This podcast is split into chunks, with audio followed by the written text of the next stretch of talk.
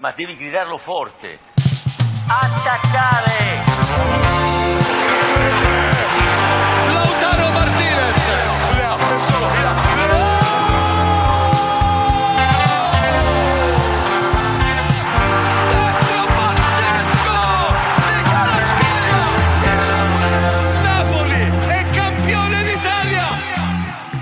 Het is maandag 14 augustus 2023.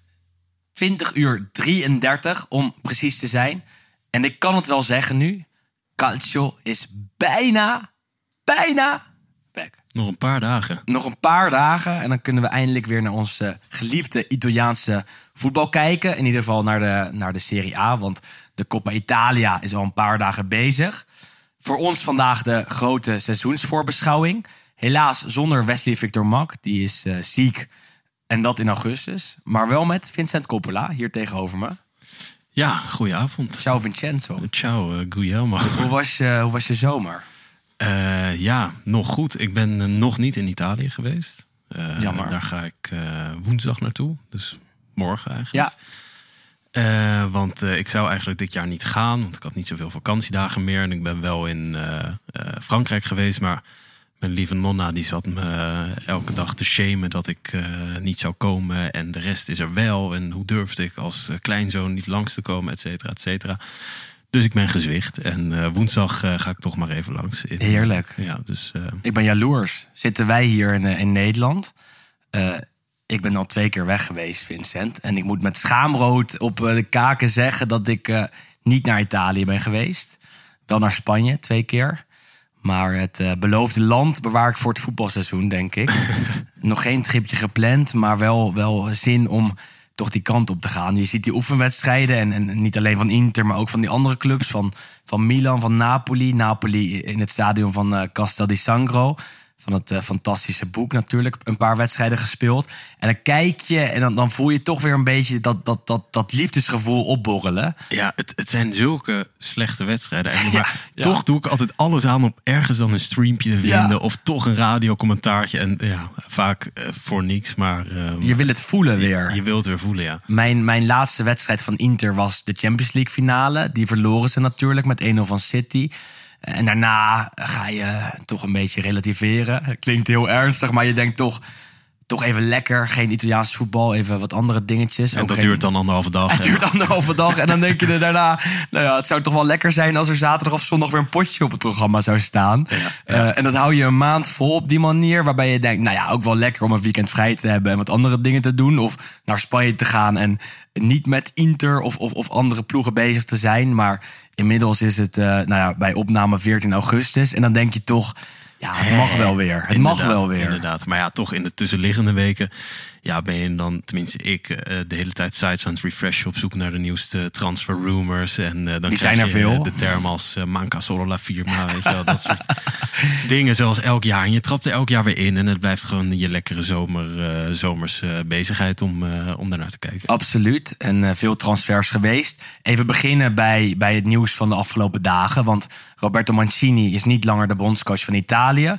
Kwam als een eh, donderslag bij heldere hemel, kan je wel stellen, denk ik. Eh, Italië presteerde de afgelopen anderhalve eh, seizoenen, dus anderhalf jaar, niet fantastisch meer. Na het EK dat ze wonnen in 2021 niet meer gepresteerd. Het WK gemist. Mancini bleef destijds aan. En kreeg steeds meer macht binnen de Italiaanse voetbalbond. Ook over de jeugdelftallen. Ja. Of eigenlijk over de hele piramide stel- stond hij een beetje aan de top. Dus ja, het leek erop dat hij de komende jaren nog wel zijn, eh, zijn beleid... eh, of in ieder geval ideeën wat verder uit zou kunnen gaan rollen. Eh, maar Een grote man zou zijn. dat lijkt er niet van te komen. Nee, tenminste, het komt er zeker niet van. Want hij diende zijn ontslag in afgelopen zaterdag. Ehm, er zijn meerdere redenen voor. De helft van zijn staf is ontleed. Ehm, de mannen met wie hij in, eh, in de jaren negentig kampioen werd met Sampdoria... eh, waren voor een eh, heel groot deel, deel van zijn staf bij Italië. Die werden allemaal eh, geherposteerd, op een andere plek neergezet. Vertrokken zelf, in het geval van Alberico Evani... Ehm, en ehm, daardoor het wringde een beetje tussen ehm, tussen Mancini en de Bond. Toch op enige manier. En toen wilden ze ook nog Buffon per se in zijn staf neerzetten. Bonucci was het toch? Eh, Bonucci ook nog, maar Buffon is, er, Oh, Buffon is erbij gehaald als teamchef. Eh, en dat wilde, naar verluid, hè, want we waren er niet bij, maar dit is het verhaal van de Italiaanse pers. Daar was eh, Mancini niet zo tevreden over. Daarna kwamen er ook nog geruchten over Bonucci, inderdaad, die mogelijk deel van de staf zou gaan uitmaken. En dat wilde Mancini al helemaal niet. Dus hij zag al zijn vertrouwelingen vertrekken. En eh, uiteindelijk besloot hij ook zelf, zeker eh, door, door dat soort dingetjes, maar ook naar aanleiding van de slechte resultaten van de afgelopen maanden, om eh, zijn biezen te pakken. En dan, Ja. dan noem ik de belangrijkste reden nog niet eens. ik wil net zeggen, wanneer ga je het nou zeggen? ja, ja, ja, ja, ja, want hij wordt waarschijnlijk bondscoach van Saudi-Arabië. Ja, dus er lonkt een hele grote gouden berg aan de andere kant van Een, hele flinke, hele flinke gouden berg van, het schijnt, eh, 30 miljoen euro per seizoen. Ongelooflijk, hè? Nou ja, ik, ja, toch lekker. Ja, ik zou het ook wel willen. Ja, ik zou het ook wel willen. Het is een hele morele eh, vraag die wij niet hoeven te beantwoorden. Want ik denk dat er nooit iemand gaat vragen of deze podcast in Saudi-Arabië kan worden gaan opgenomen. Je weet het. Maar we- we- we- we- wie weet, we zijn beschikbaar in ieder geval. Ehm, nee, en dan komt het hele vraagstuk er nog bij of je geld wil verdienen in Saudi-Arabië. Gaan we hier niet beantwoorden. Wij gaan gewoon beginnen. En we beginnen bij de degradatiekandidaten voor het komende Serie A-seizoen. Lo stadio con Guglielmo e Vincenzo. Drie degradanten afgelopen seizoen. Sampdoria, Cremonese, Spezia? Spezia. Die na de eh, play... Nee, dus we doen opnieuw. Een blackout.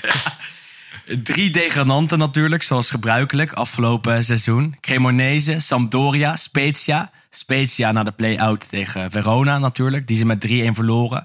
Cyril Ngonge, de grote man aan de kant van Verona. Spezia bakte er die wedstrijd in het stadion van Sassuolo helemaal niets van. Maar was wel een leuk toetje van het seizoen. Het was een leuk toetje. Het was een toetje van de Champions League finale. Ik noemde die Champions League finale net al, maar een dag later was die play-out. Ja. Was lekker om er nog even naar te kijken.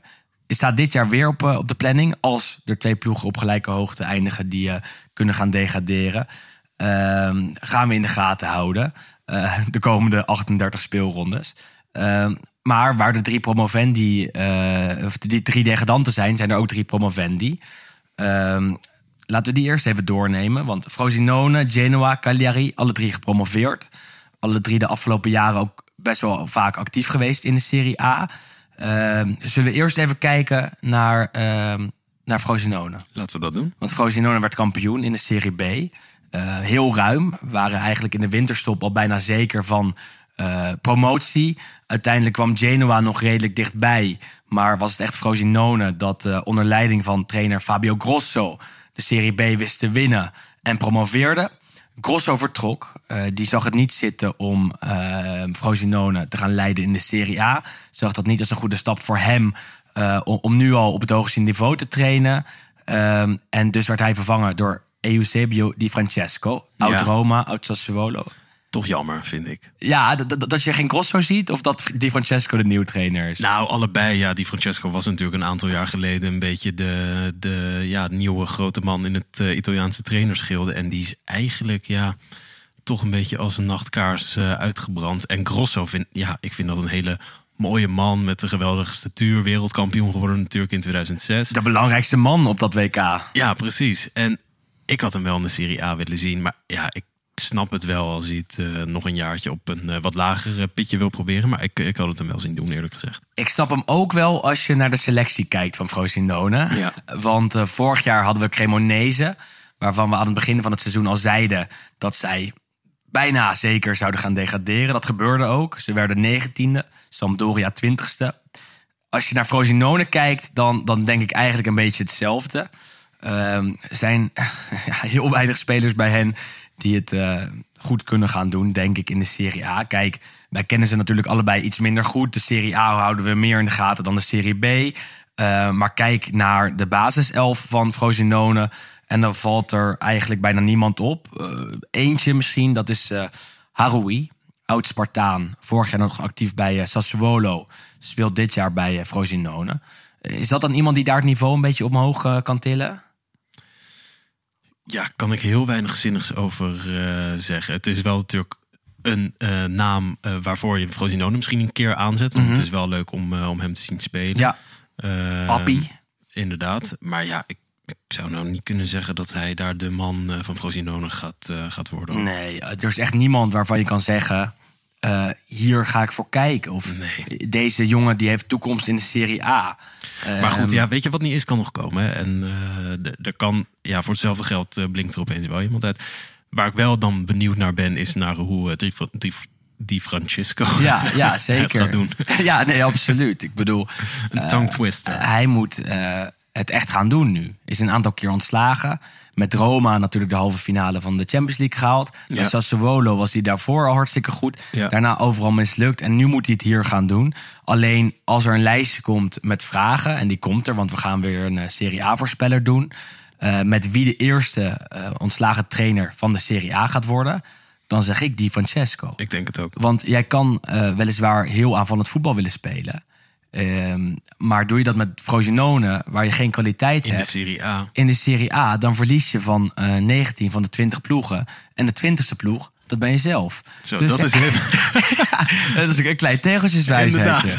Ehm, en als je kijkt naar die namen, ja, dan, dan is er één, één keeper, eh Tourati... die eh, het aardig eh, heeft gedaan vorig jaar in eh, de Serie B bij Frosinone. Dit jaar weer wordt gehuurd eh, van Sassuolo. Maar ja, als je keeper je beste speler is, dan eh, voorspelt dat niet veel goed. Uh, maar Kietza op linksback, ook een speler met de historie in de Serie A... Uh, maar voor de rest vele onbekende. Waardoor ik uh, Frosinone op plek 20 zet. Ik weet niet of, of dat voor jou hetzelfde geldt. Ik ben het daar eigenlijk wel mee eens. Door naar de volgende promovendus. Want Genoa had maar één jaar nodig om uit de Serie B weg te komen. Ik ben blij dat ze terug zijn. Ik ook. Zeker in uh, het seizoen dat Sampdoria is gedegradeerd... is het extra mooi dat Genoa omhoog komt.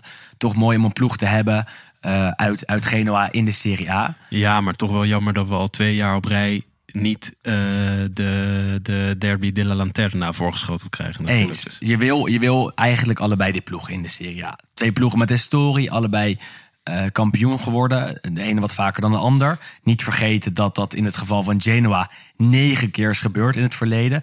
Wachten nog steeds op de eerste ster. Nou kunnen we wel voorspellen dat die uh, eerste ster er niet gaat komen dit jaar. Het tiende kampioenschap. Ik denk de komende uh, jaren ook niet. De komende jaren ook niet. Maar wat we wel kunnen zeggen is dat ze een best wel redelijke selectie hebben voor een uh, promovendus. Ja, ze hebben nota bene de uh, spits van het Italiaanse elftal binnengehaald. Ja. Retegui, moet je goed, goed uh, uitspreken. Retegui, toch? Zoiets? Retegui. Ja. ja. in ieder geval de klemtoon ligt volgens mij op inderdaad de op de tweede. Ja, ja. precies.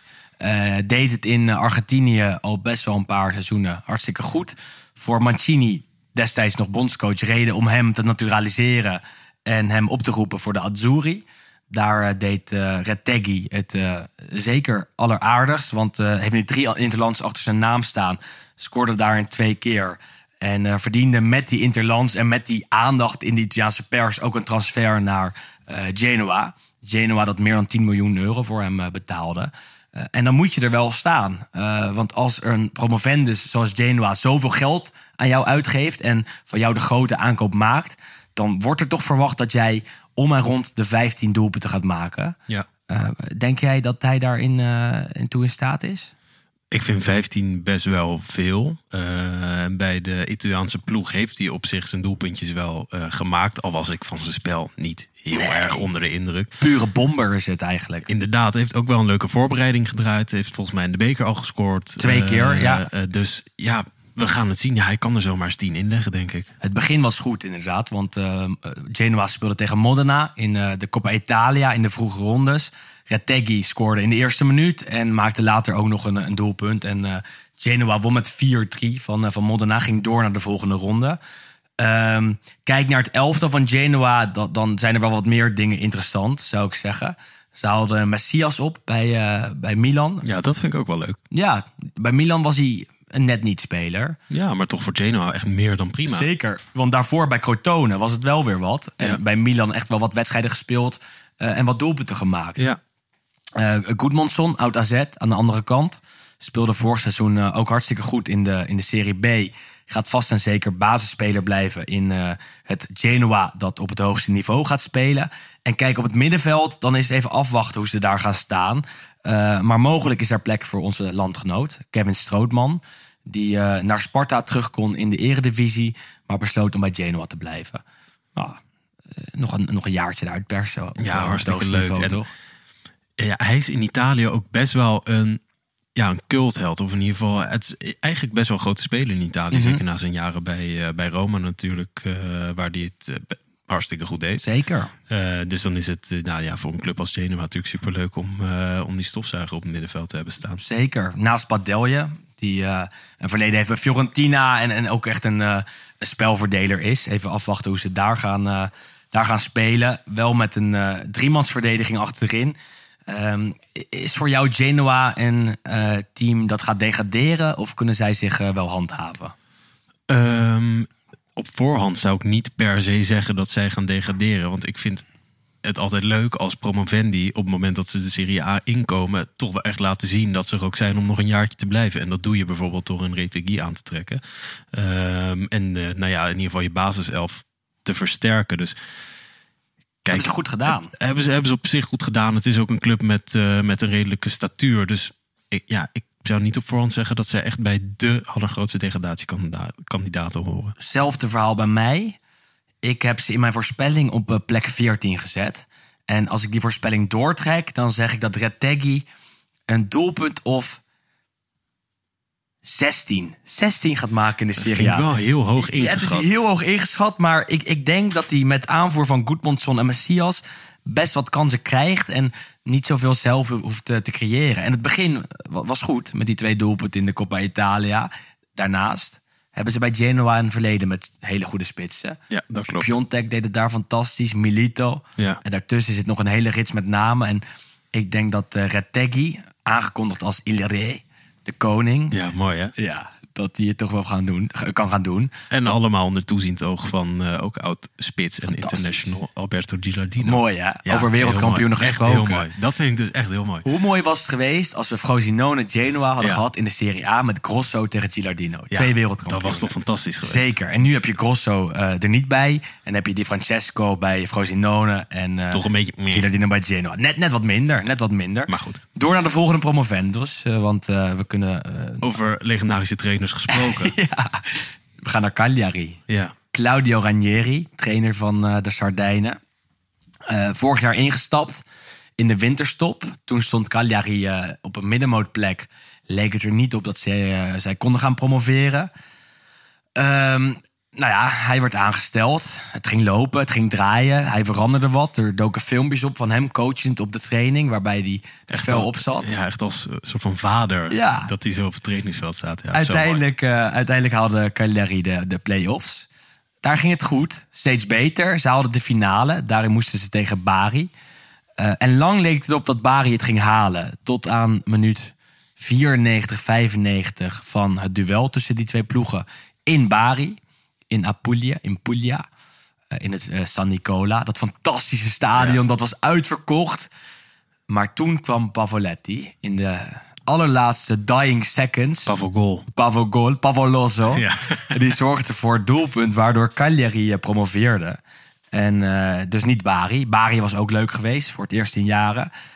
Maar dus zien we gewoon Cagliari weer terug op het hoogste niveau. Die net als Genoa maar één seizoen nodig hadden om terug te keren in de Serie A. Ehm, en nog steeds Ranieri als trainer hebben dit seizoen. Wat hartstikke leuk is. En, en, en daarom denk ik al een toevoeging voor het hoogste niveau eh, zijn. Ja, zo'n trainer, dat is ook zo'n amabele man. En ook echt een legend. Dus die wil je gewoon op het hoogste niveau in Italië zien. Eh, heeft het eigenlijk overal waar hij was, nou, wel goed gedaan. En eh, zeker voor een ploeg als uh, Cagliari is dit gewoon eigenlijk een, de trainer die je wil hebben. Ja, dit, is, dit, is, um, dit zijn de verhalen um, die het Italiaanse voetbal zo mooi maken. Ja. Ranieri is een, een toptrainer geweest, is nog steeds een toptrainer. Is in de nadagen van zijn carrière nog bij Cagliari terechtgekomen.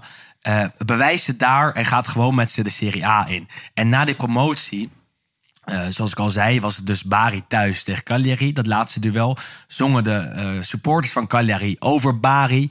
En uh, Ranieri kon dat niet verkroppen. Die, die wilde dat niet. Die, die, die, die maakte een beweging naar die fans en zei... Jullie moeten kappen met eh, de tegenstander belachelijk maken. Jullie moeten ons toejuichen. Jullie moeten voor ons zingen.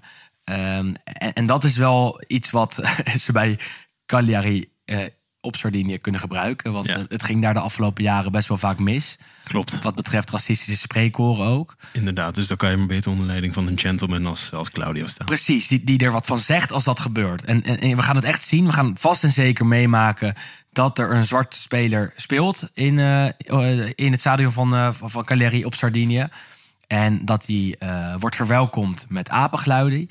En dan hoop ik dat er wat gebeurt. En dat Ranieri misschien wat doet. Dat kan je niet van hem verwachten. Nee. Ehm, er zijn wel al nieuwe maatregelen aangekondigd. Ja. Dat eh, er, als er voor het eerst een apengeluid of een oerwoordgeluid te horen is, het spel wordt stilgelegd. Gebeurt dat nog een keer, dan eh, wordt het definitief eh, gestaakt. Ik hoop echt van harte dat dat ook eh, gehandhaafd gaat Ja. worden. Want er worden wel vaker dingen geroepen om, eh, nou ja, om het publiek enigszins in het gareel te houden. En er is maar al te vaak van tevoren gezegd dat wedstrijden stilgelegd zouden worden. Of dat er in ieder geval iets aan gedaan zou worden. Dat eh courwa's dicht zouden Mhm, gaan, et cetera.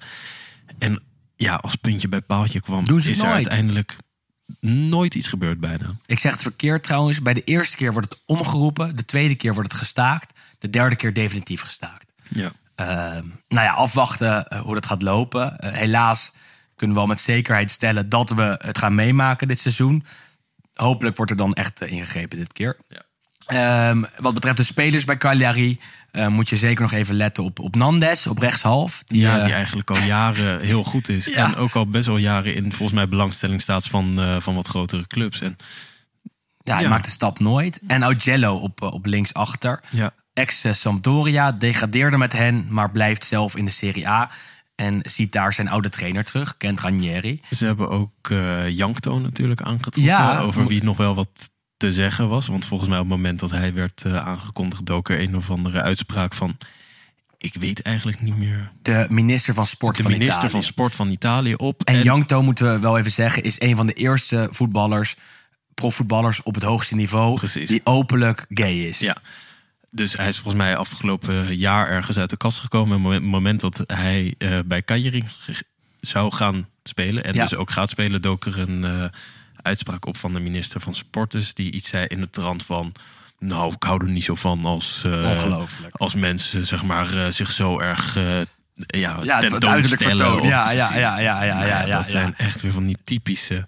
Italiaanse uitspraken. Kan ik dat zo zeggen? Ja, ouderwetse uitspraken, laten we het daarop houden. Inderdaad. Eh, ho- hoe dan ook eh, is hij naar Cagliari gekomen en gaat hij daar spelen en ehm, wordt hij daar warm verwelkomd. Hopelijk, weten we natuurlijk niet, eh, niet precies.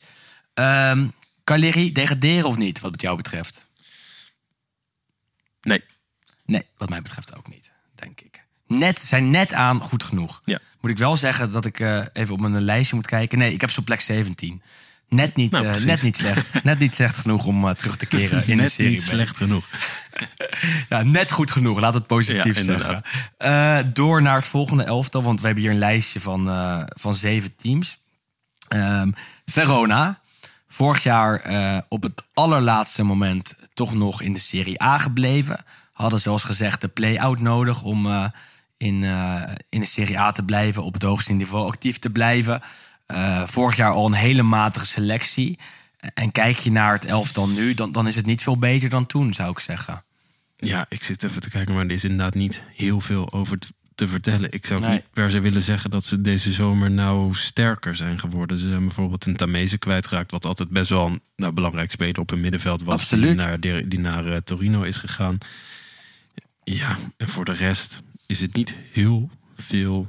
Nee, er is weinig gebeurd. Eh, ze hebben- Saponara is erbij. ja, en Bonazzoli. En dat zijn twee spelers die bij Verona best wat kunnen doen, maar niet het verschil kunnen gaan maken, zou Nee. ik zeggen. Die, die zijn toch vaak geblesseerd, ook allebei. Eh, hebben allebei ook de halve Serie A al gehad. Ehm, en nergens hebben ze constant kunnen presteren. Dus ik vrees voor Verona dat, dat zij niet ehm, de mannen zijn die Verona gaan, gaan redden.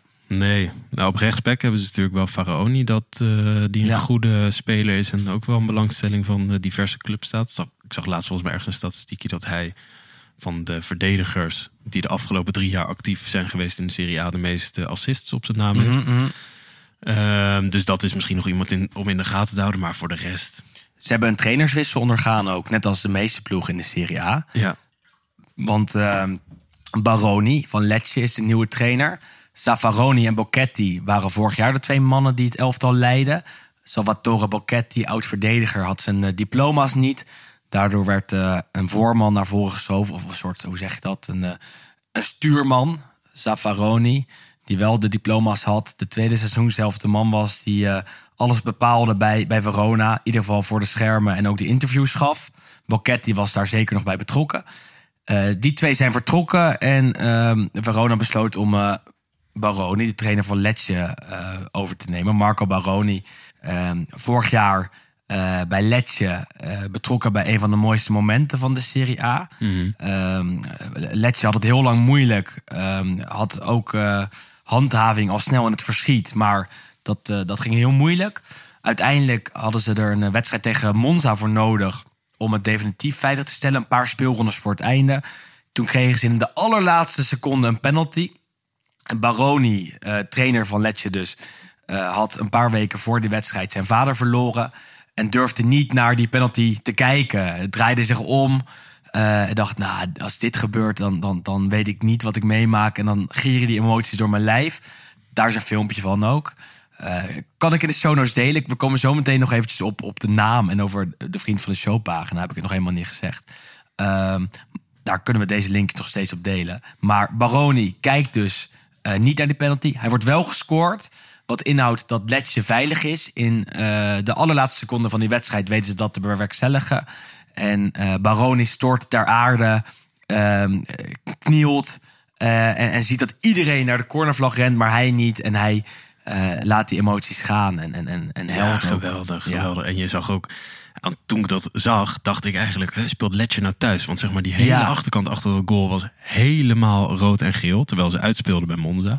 Eh, En ja, ja dat is zo mooi. Dat de, de half stadion ontplofte eigenlijk, terwijl ze helemaal niet thuis speelden. Echt fantastisch. Kom ik nu bij een kleine mededeling, want we hebben Letje gehad. Zou ik zeggen, nog eventjes, tenminste Letje gehad. We hebben Verona gehad, even de, de- doorgenomen. Ja. Eh, nog even kort over hun. Degraderen of niet?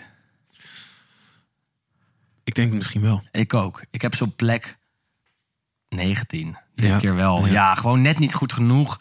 Nog geen aanwinst. Je Al weet niet wat er jaar gaat gewoon net een beetje een soort van elke keer, elk jaar eigenlijk een treedje naar beneden gedaan. Dus Ja, dit keer definitief misschien. In de zin, naar de Serie B, ze kunnen altijd weer terugkomen. Maar misschien wel tijd om, om een keer eh, Ja. af te dalen. ja. Ja, we zijn gewoon weer Lo Stadio. Dat moest ik nog even zeggen. Niet meer La Gazzetta dello Stadio. we zijn gewoon weer Lo We zijn Stadio. gewoon punt Lo Stadio. Niks aan de hand. Eh, we verschijnen dit jaar één keer per maand in plaats van wekelijks. Ehm, ook voor de vrienden van de show, waar we vorig jaar nog wekelijkse afleveringen voor maakten.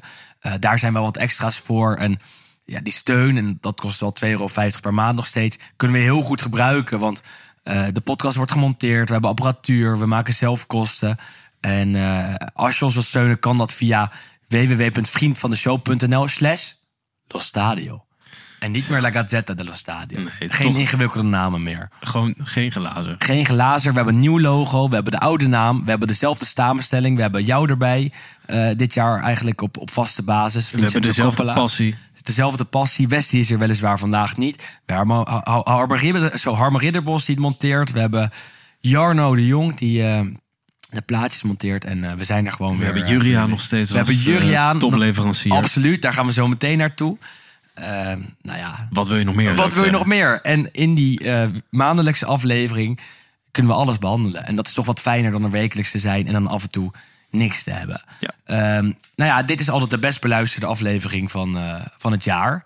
Ehm, dus die moet goed zijn, Vin. Hij moet goed zijn. Nou, dan laten we nu maar even ons best gaan doen dan. Zeker. Dan gaan we door namelijk nu wel echt naar Letje. Letje, eh, nou ja, het, verhaal net al een beetje uitgelegd. Die eh, wisten zich eh, te handhaven als promovendus in, in de Serie A. Met Baroni als trainer. Die vertrok dus naar Verona. Dus Letje heeft ook een, een nieuwe man aan het hoofd staan. En dat is... eh, D'Aversa. D'Aversa. Ja, je, af en toe moet je de namen... We zijn die 20 ploegen aan het afgaan. Dan moet je de namen er even bij pakken met een laptop. Maar dat is Roberto D'Aversa. Oud Parma onder meer. Ja. Bij Parma het aardig gedaan. Eh, via wat omwegen nu uiteindelijk bij Lecce terechtgekomen. Eh en wel bij een Lecce dat wat minder sterk is dan vorig jaar, zou ik zeggen.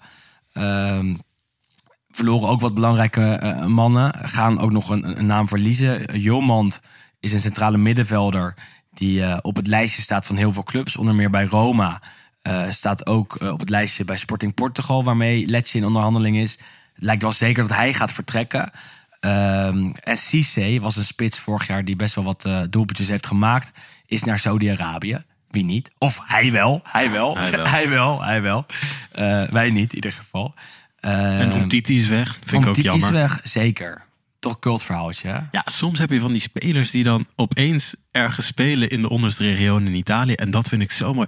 Even kijken, wie was er nou ook weer? We hadden ook, ik denk tien jaar geleden of zo, dat Sanja opeens bij, Bij eh, eh, Benevento Bij was dat. Benevento Ja, ja, ja, fantastisch. Of Ribéry, weet je wat. Mhm. Ja, dat is toch echt... Van Echt die, zo mooi. Van die Fransmannen telkens, die toch hun geluk gaan, eh, gaan beproeven in Italië. En hij deed het aardig, hè, om Titi bij, bij Lecce. Zeker. Jammer dat hij weg is. Werd nog genoemd bij Milan. Ehm, goed dat ze dat niet hebben gedaan, denk ik. Want zo goed was hij Nee. ook niet. Ehm, voor Lecce wel echt jammer dat hij is vertrokken. En voor de Serie A ook.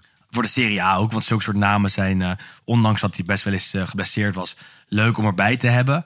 Ehm Lecce is nog op zoek naar een nieuwe keeper. Dragowski wordt genoemd, Seppe van Salernitana. Terracciano van Fiorentina. Eh, want ehm, ja, ze hebben weliswaar Falcone.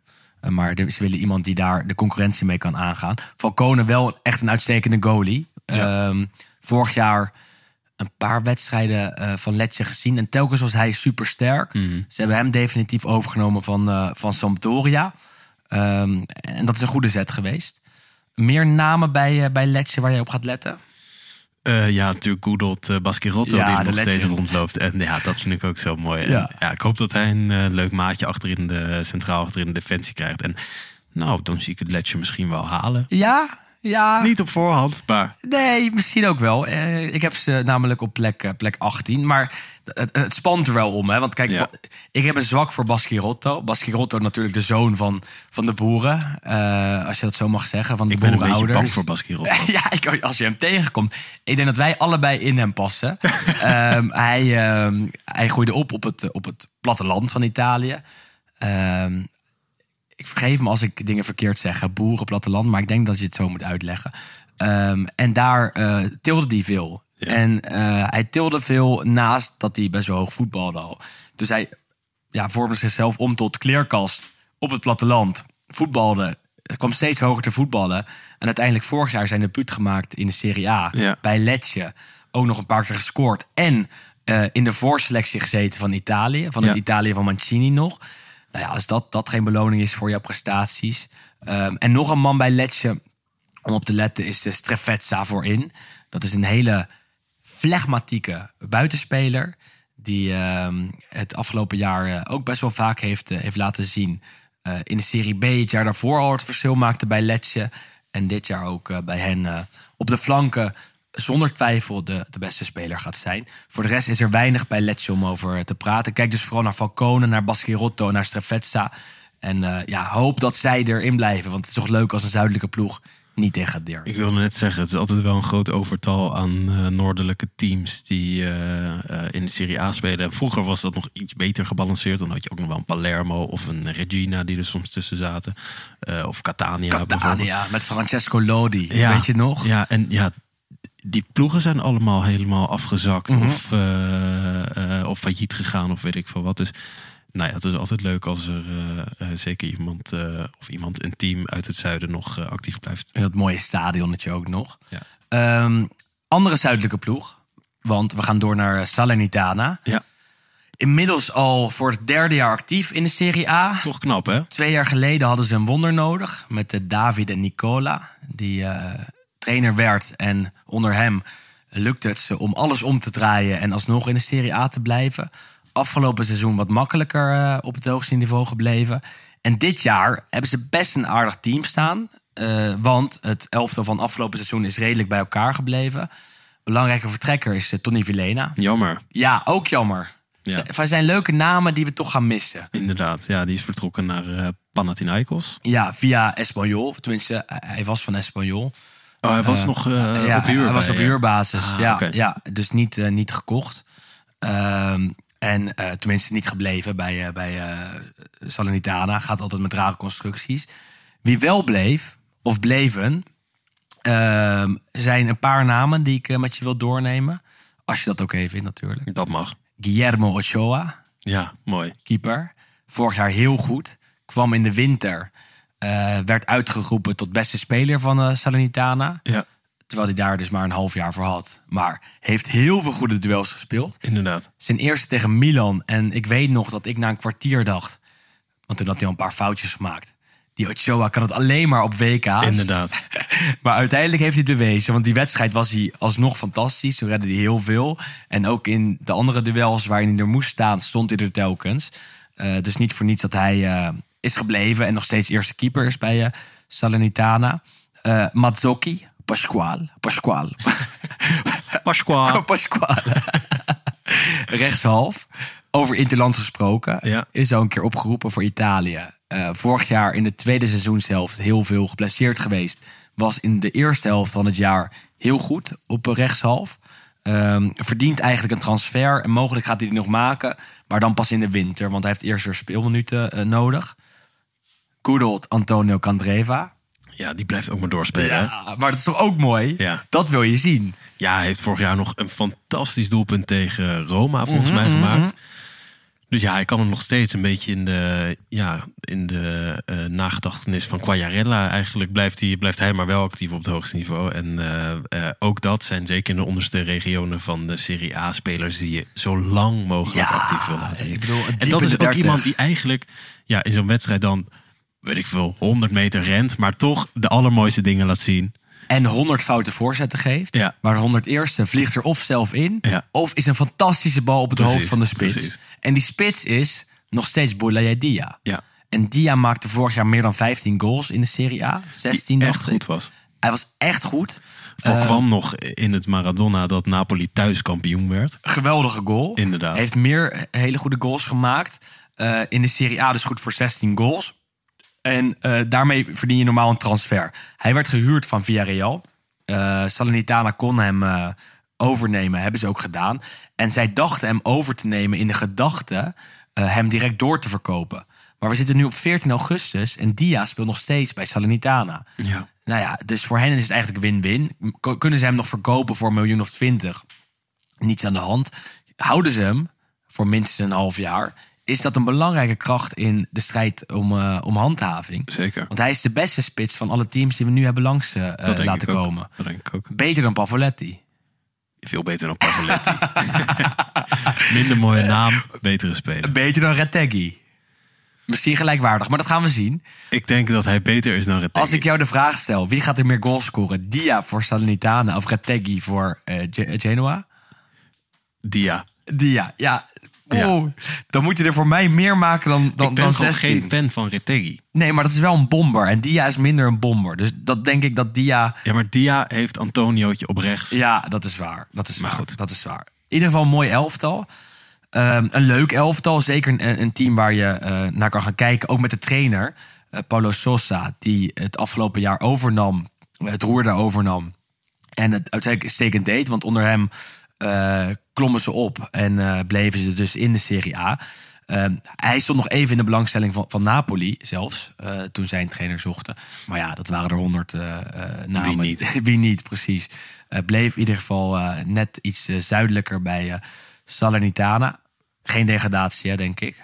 Mm, nee, denk ik ook niet. Nee, dat denk ik dus ook niet, zoals ik al net zei. Gaan we door naar het laatste team van dit blokje.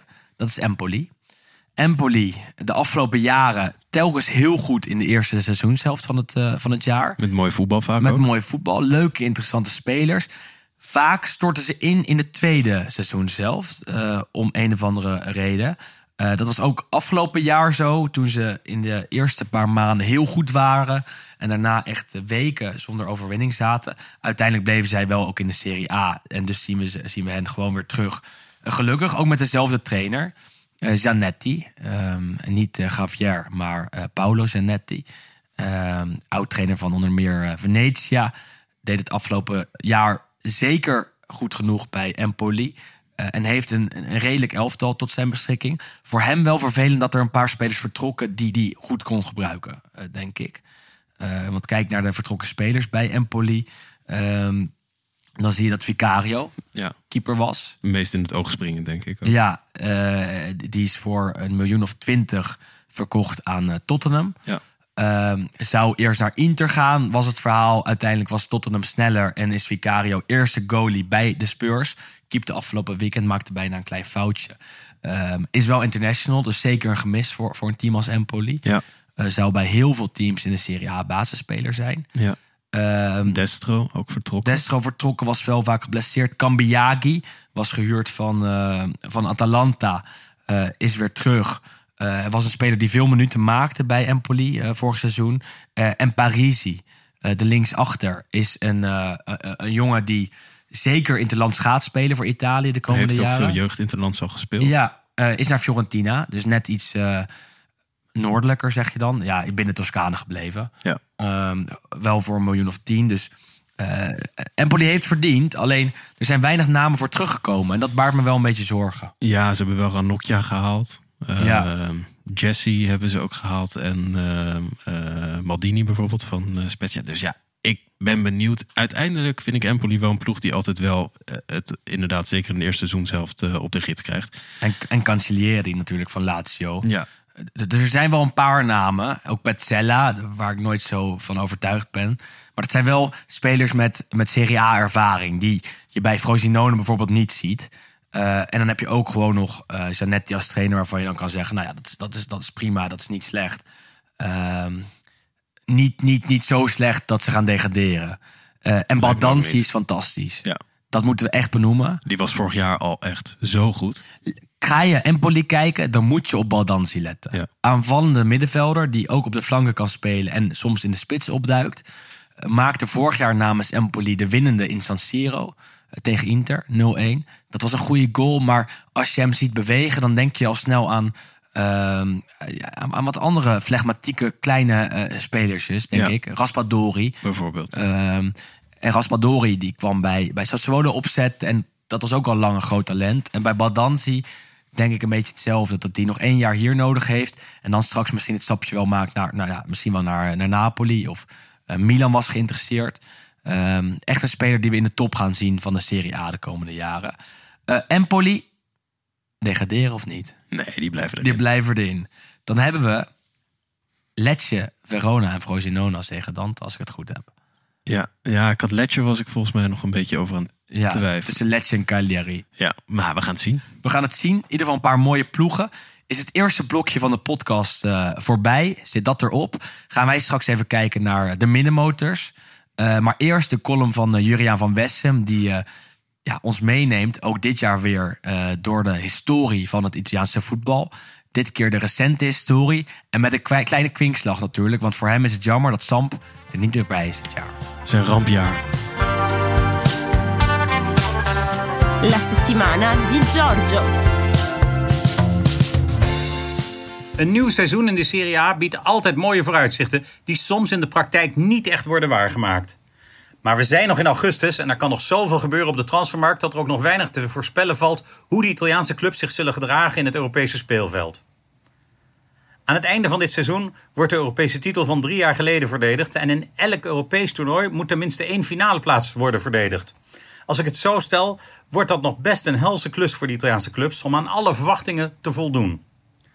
Het wordt de 20ste jaargang met 20 clubs. Dat is het gevolg van de dramatische zomer van 2003. Toen een affaire met Catania over een niet volledige inschrijving leidde tot een paleisrevolutie in Rome.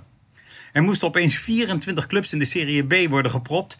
En in het volgende seizoen 20 in de Serie A. Waarbij zes clubs zouden promoveren.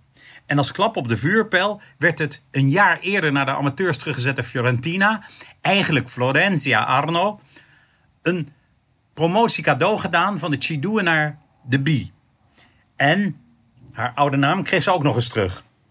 Er volgde een geweldige Serie B, waarbij Palermo, Livorno en Messina na decennia terugkeerden op het hoogste niveau. Samen met Atalanta, Cagliari en Fiorentina. Dat in een extra play-off Perugia de baas bleef.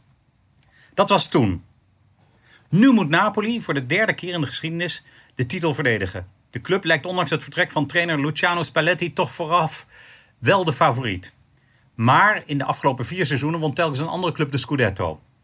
De clubs uit Milaan zullen zeker hun best doen om weer bovenaan te eindigen. Terwijl de twee clubs uit Rome en de oude dame niet voor spek en bonen mee zullen doen. Atalanta is zo brutaal op de transfermarkt geweest. Met het binnenhalen van de ketelaar en Scamacca. dat die club zeker bij de strijd om de vier Champions League plaatsen een rol zal spelen. Kortom, er is sprake van een lekkere brede top. En dat kan een mooie strijd opleveren. Tenzij, net als vorig seizoen, één club wel erg snel ver wegloopt van de concurrentie. Onder de top wordt het misschien ook dringen met ambitieuze clubs die om wellicht één plek in de Conference League gaan spelen. Fiorentina mag dat eh, voor de tweede keer doen, maar ook Torino en Bologna willen voor die plek in aanmerking komen. En daarna begint eigenlijk al de strijd tegen de degradatie. Ik ben zeer benieuwd naar de promovendi. Gaat Frosinone bij de derde poging eindelijk één jaar overleven op het hoogste niveau? En wordt het nu wel een aanwinst voor de Serie A? Genoa en Cagliari beginnen wel met een zekere ambitie om het dramatische laatste seizoen in de Serie A uit te wissen. Verona, Monza, Empoli en Lecce lijken op papier de ploegen die nu moeten oppassen. Terwijl Udinese, Salernitana en Sassuolo normaal gesproken zich wel veilig zullen spelen en misschien ook stiekem naar boven kijken. Ik ben vooral benieuwd hoe Genoa zich zal gedragen. De stemming in de havenstad is geweldig, waar ruim 44.000 seizoenkaarten aan de man zijn gebracht door beide clubs. Waardoor zelfs een record uit 1991, toen La Superba de eerste en de vierde club van het land leverde, is gebroken. Genoa zit in een bijzondere situatie. Dat het de sprong kan maken zoals de aartsrivaal dat 40 jaar geleden deed. En eigenlijk toen de suprematie in de stad overnam. Die kan met een goed beleid nu worden teruggepakt. Met trainer Gilardino en de aankoper Retegui, Torsby en Draguzin. Met eventueel ook nog Casadei. Moet voor de oudste club van Italië, gedragen door het enthousiasme, zelfs een sprong naar de top 10 niet worden uitgesloten. En dan hoeven de Bibini zich eindelijk eens niet bezig te houden met of zich gefrustreerd af te zetten tegen die andere club van de stad. Die natuurlijk hoe dan ook de leukste en de liefste blijft. Alle 20 clubs wens ik vooral veel succes.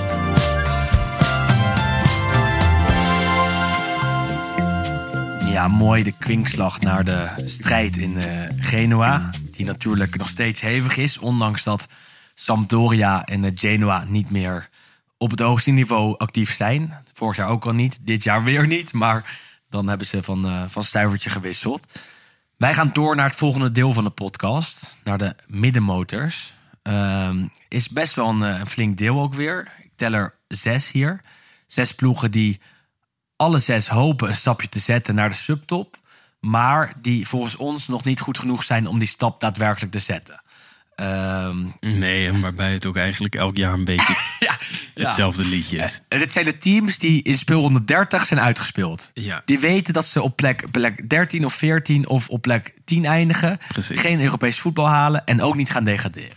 Nee, een beetje ja, het Heerenveen eh kaliber van Italië. Ja, denk ik. of, of wat heb je in België? Het Anderlecht tegenwoordig. Maar dan Inderdaad. krijg ik, eh, krijg ik al die Anderlecht-fans achter me aan. Ehm, we beginnen, want eh, we gaan eh, naar Udinese. Udinese, afgelopen jaar, fantastisch begonnen. Toen hebben we ze in de podcast ook een paar keer het Leicester van Italië genoemd. stonden heel lang, zeg maar, ofwel bovenaan of in ieder geval op een Champions League plek. Begonnen echt Heel goed. lang, heel lang. Nee, een tijdje. Tien weken of zo. Precies, de eerste paar maanden. Wonnen toen ook van Inter. Eh, heel knap. En dat was echt wel een signaal. Want toen zagen we een elftal dat heel interessant was. Met heel veel jonge, leuke voetballers. Goed voetballen en winnen. Eh, uiteindelijk stortten zij totaal in. Want eh, zij eindigden gewoon weer in de middenmoot. eh, op plek ehm 14 of plek 13. Ehm, en dit jaar denk ik dat zij weer op die plek gaan, gaan eindigen, eerlijk gezegd. Ja, Want- ik vind ze qua selectie ook wel echt op achteruit gegaan. Plek 12 vorig jaar. De verbetering. Ja, dus ik weet, ik weet inderdaad niet zo goed wat ik ervan moet gaan eh, denken. Eh, Udoji is natuurlijk misschien als eh, grootste smaakmaker Vertrokken, ja. naar Die had- Tottenham. Die hadden ze al verkocht, nog één jaar teruggehuurd. En nu is hij daadwerkelijk naar Tottenham. Die, die moet worden vervangen, nu door Camara. Ehm, en, kijk naar het elftal, ja, dan zitten er best wel een paar leuke spelers nog steeds in. Betu. Betu, de giraf. Ehm, wordt genoemd bij Inter als spits. Udinese wil 30 miljoen voor hem. Dat lijkt me wat veel, want zoveel heeft hij nou ook niet gepresteerd. eh, dat je zegt, nou, dat is een fantastische aanwinst voor een eh, topteam uit de Serie A. Lovric is een leuke middenvelder. Bijol deed het vorig jaar ook uitstekend. Het zijn allemaal spelers rond een jaar of 24, 25 die bijna naar een prime gaan en bij Udinese een transfer proberen te verdienen. Eh, iemand die daar al heel dichtbij is bij het opnemen van de podcast is Samardzic. Eh, die eh, een paar dagen in, in een hotel in Milaan heeft gezeten. Want hij was al akkoord met Inter. Inter en Udinese ook akkoord over een transfer. Uiteindelijk besloten de zaakwaarnemers van Samardzic eh, dat ze meer geld wilden.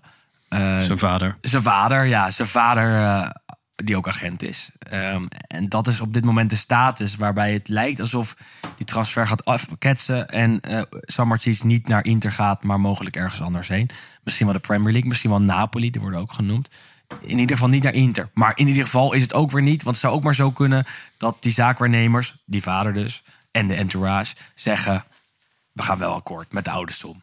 Ja, ja, want dat is het. Inter wil gewoon niet heronderhandelen. Nee, nee. Want er lag natuurlijk een deal. En eh, nou ja, die lijkt weer op eh, volledige Italiaanse wijze wel of niet door te gaan. Precies, ja, of, of vo- volledige Servische wijze in dat opzicht dit keer. Eh, ja, dat kan je misschien wel zeggen. Ja, nou of goed, eh, voor, S- Slavische wijze, ja, nee, dat is... eh, voor Udinese in ieder geval heel jammer. Want hij was wel, eh, denk ik, de man eh, eh, op het middenveld. En ja, eh, ja, hij, hij heeft gewoon een hartstikke goed seizoen achter de rug. zeker. Heel goed schot heeft hij. Voor hem ehm, zou het een mooie transfer zijn. Eh, hoe dan ook lijkt het erop dat hij gaat vertrekken. Eh, wat betreft transfers bij, bij Udinese is er dus niet zo heel veel gebeurd. Zeker wat onbekende namen. En eh, daar moeten we wel uitkijken altijd. Want bij Udinese zijn er altijd onbekende namen. En dan denken we, wie zijn dit? En voordat je het weet, zijn ze supergoed. Dat zagen we dus vorig jaar bij die namen zoals Bijol en, en Lovric. Eh, in het verleden ook wel gezien bij, bij Soppi. En, en, en ook eh, zeker bij Udochi. Ehm, dus we laten ons graag verrassen. Maar een plek in de middenmoot is, is voor eh Udinese, denken wij, tenminste denk ik, eh, het maximale. Ja, dat denk ik ook. Ze hebben ook nog wel eh, Lorenzo Luca bij eh Ajax Oh ja, opgehaald. ja. Wat ook leuk is om, eh, om naar te gaan kijken. Ik hoop dat hij een beetje gaat eh, spelen. Ja, Ehm, maar ja, al met al wat je zegt, het is weer een typische middenmoot eh, Precies. eh, selectie. Luca die bij Ajax niks heeft, eh, heeft gedaan, terug naar Pisa moest en nu van Udinese is. En in Italië nog steeds als een heel groot talent wordt gezien. Ja. Ehm, en het mogelijk bij, bij Udinese ehm, moet gaan doen. Daar is trouwens nog wel een spits waar ik het ook naast Luca over wil hebben. Die het vorig jaar absoluut hartstikke goed deed in de MLS. Dat is Brenner. Brenner heeft, heeft daar bij Cincinnati gespeeld. eh, meer dan 15 goals gemaakt. En hij moet eigenlijk de vervanger van Beto worden. Ehm, en daar verwacht ik wel wat van. Want Udinese heeft daar 10 miljoen voor betaald. En als ze dat doen voor een speler eh, die relatief onbekend is... en al best wel een beetje wat dingetjes heeft bewezen... dan heeft Udinese het vaak eh, bij het goede eind. Dus, dus let zeker op Brenner, die wat mij betreft beter is dan Luca... en de vervanger van, van Beto moet worden. Eh, en een Braziliaan bij, bij Udinese, to- toch wel interessant om, in de gaten te houden. Ja. Eh En hoe is het eigenlijk met, eh, hoe heet hij nou ook weer? Theo Lefeu Ja, was geblesseerd. Tweede seizoen zelf het afgelopen jaar. ja, flink ook. Flink ook. Heeft er eigenlijk de hele tijd uitgelegen. En nu komt hij terug. En de verwachting is dat hij gewoon weer kan gaan spelen. Oké. Dus er is best wel wat bij Udinese waarvan je zegt... nou, het kan wel wat worden. Maar dan moet het wel weer eh, bij elkaar komen en eh, goed in elkaar vallen. Eh, ik ben benieuwd of Sotiel daar als trainer toe in staat is. De afgelopen seizoenshelft, dus de tweede seizoenshelft van de afgelopen jaargang... lukte dat niet. Dus Laten we maar vertrouwen op de eerste seizoen zelf van vorig jaar. Exact. En, en dan kan alles. Door naar het volgende elftal. Die net als Udinese inzet op, op jonge spelers. Dat is namelijk Sassuolo. Sassuolo volgt een beetje de blauwdruk van Atalanta. Ja. Inzetten op jonge spelers, zelf opleiden. Eh, en in het geval van Sassuolo worden die spelers dan vaak verkocht. Ja, eigenlijk de springplank van Italië is het. Absoluut, dat zag je in het verleden bij spelers zoals Politano, Sensi, Scamacca, Raspadori. Helaas niet in het geval van Berardi, komen we zo nog even over te spreken. Wel in het geval van Fratesi. Eh, die maakte de stap voor een miljoen of dertig naar Inter afgelopen zomer, of deze zomer. Ehm, en eh, daar was Sassuolo best blij mee, want het was voor hem echt tijd om de stap te zetten. Dat wilde Fratesi al langer, kon naar de halve Italiaanse top. Uiteindelijk was Inter het eh, meest daadkrachtig. Hele mooie transfer vind ik dat. Ja, waarom? Ja, ik vind hem. eh, ik vond hem vorig jaar het allerbeste bij, eh bij Sassuolo. En echt, ja, de, een van de jongens die het Italiaanse elftal in de toekomst moeten gaan dragen. Ja. Eh, heeft ook in de voorbereiding al, eh, al het een en ander laten zien bij Inter. Dus ik ben heel benieuwd. En ik, eh, ik vind het ook een, een sympathieke voetballer. Eens. Als hij zijn haar niet blondeert. Ja. Doet hij dat? Dat, dat deed hij. Dat was wel grappig, want hij was op vakantie en toen was de deal met Inter ineens rond. En toen was er op de maandag een vakantiefoto met Fratesi met pornoblond of, of fluoriserend blond haar. En dinsdag werd hij verwacht in Milaan. Dus maandag de foto met dat haar. Dinsdag Fratesi in Milaan. Land op het vliegveld. Geen blond haar meer. ja, toch een beetje respect voor je nieuwe werkgever. Ja, Ik hou daar wel van. ja. Dat je niet met je vakantie Coupe de Soleil eh, daar aankomt, maar gewoon eh, er netjes probeert uit te zien. En eh, je, je met stijl en klasse tevoorschijn komt als daarom je op die zeg ik, daarom zeg ik. Hartstikke sympathieke gast. Eens. Ehm, verder bij Sassuolo nog wel wat namen om het over te hebben, denk ik. Want Domenico Berardi, Nog steeds. nog steeds. Dat is echt misschien wel het grootste wonder van de serie. A, Ja. Dat die jongen nog steeds best wel Sassuolo Ja, speelt. niemand begrijpt het. Aan de andere kant, ja, ik, het heeft ook wel wat. Maar hij heeft de afgelopen jaren zulke mooie transfers kunnen maken. Staat volgens mij ook dit jaar weer in de belang, belangstelling van eh, Juve en eh, Lazio. Juve, Lazio inderdaad onder andere. Ehm, heeft eh, vorig jaar volgens mij ook met Napoli gesproken. Dus uiteindelijk op 31 augustus speelt hij altijd nog bij Sassuolo. Maar hij doet het nooit. Nee. En dat, dat vind ik jammer. Maak nou een keer de stap. Al is naar Fiorentina. Ik bedoel, eh, Maar hoe oud is hij nu? Is hij nu ook al 30 of zo, toch? hij, hij is tegen de 30 aan. Hij eh, gaat wel een miljoentje of, of, of hij is 29 eh, en net geworden. Moet wel een miljoen of, of 20, 30 kosten nog steeds. Want Sassuolo geeft nooit hun spelers zomaar weg. Nou ja, Ik vind dat nog best wel veel. ik ook. Maar het zou toch zo mooi zijn als een Lazio dat aankomend seizoen voor het eerst in jaren Ja, in de Champions League ja. speelt. Echt wel een portemonnee heeft dat geld voor hem neerlegt. Want ik weet zeker dat als je Berardi nu haalt, dat hij bij je team gaat presteren en misschien wel de beste speler is. En eh, niemand durft het aan, ook omdat hij een lastig karakter heeft. Vorig jaar nog in de voorbereiding een eh, supporter van Modena op, op, op zijn eh, gezicht geslagen. Vaker rode kaarten gepakt. Maar kom op. Fantastische speler. Elk jaar goed voor meer dan 10 assists. Eh, eh, scoort veel. Komt van buiten naar binnen. Eh, wordt door sommigen zelfs de beste speler van de Serie A genoemd. Ik ben het daar niet mee eens. Maar het zou toch leuk zijn als, als hij nog één stap kan zetten. Aan de andere kant, Het is altijd leuk als dat soort spelers ook bij een Sassuolo spelen. Mr. Sassuolo wordt. Precies. Dat, dat, dat heeft toch misschien ook wel wat. Maar ja, nog één stapje. Eén keer hem in de Europese toernooi zien. Eén keer hem in de Champions League. Één keer Ja. eh, Berardi op het, op het allerhoogste niveau. Op het grootste podium. En dat gun ik hem. En dat gunt iedereen hem. Behalve de teams die ervoor moeten betalen. Dat doen ze eigenlijk nooit. Nee. Ehm, bij Sassuolo nog wat namen. Laurienté, vorig jaar heel erg veel van genoten. ook iemand om weer in de gaten te houden. Linksbuiten, dribbelaar. eh, heel erg eh, sterk. Is ook weer zo'n zo'n potentiële melkkoe voor eh Sassuolo. Ehm, ze hebben Cranjo gehuurd van Monza. Ja. Wat ik opvallend vind. ja, want ze hebben Consigli natuurlijk nog steeds. Precies, dus het is afwachten wie de eerste keeper wordt. Ja. Dionisi, de trainer, zei dat dat sowieso Consigli wordt. Ik moet het nog zien, want Cranjo was bij Cagliari altijd fantastisch. Bij Monza op de bank beland achter Di Gregorio. Eh, maar moet voor zijn kans gaan, want, want is een goede keeper. En ik snap zijn move niet zo goed. Was dan naar een elftal gegaan waar je sowieso eerste keeper bent? Ja, of gewoon lekker bij Monza blijven. Was eigenlijk vorig jaar ook een... eh, Ja, maar als tweede keeper. ja, maar goed. Ja, Ja, nou ja, goed. eh, Hij moet het zelf weten. Hij moet het, daar, daar komt het op neer. En bij Rami, die ze vorig jaar van, eh, van Empoli kochten, is ook nog een leuke speler.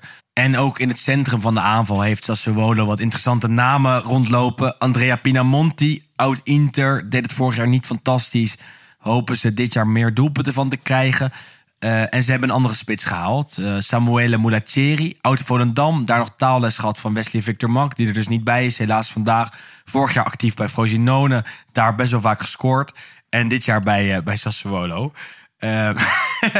Ja toch Nee, leuk. ik vind het mooi. Ik- kijk, we, we doen er een beetje lacherig over. Moet, moet het toch even noemen. Want ehm, Wesley heeft hem echt begeleid hier in, in, eh, in, in, in Nederland. Hetzelfde geldt voor Oristanio. Dit, dit jaar eh, ook gewoon actief is in de Serie A. Vorig jaar bij Volendam actief was.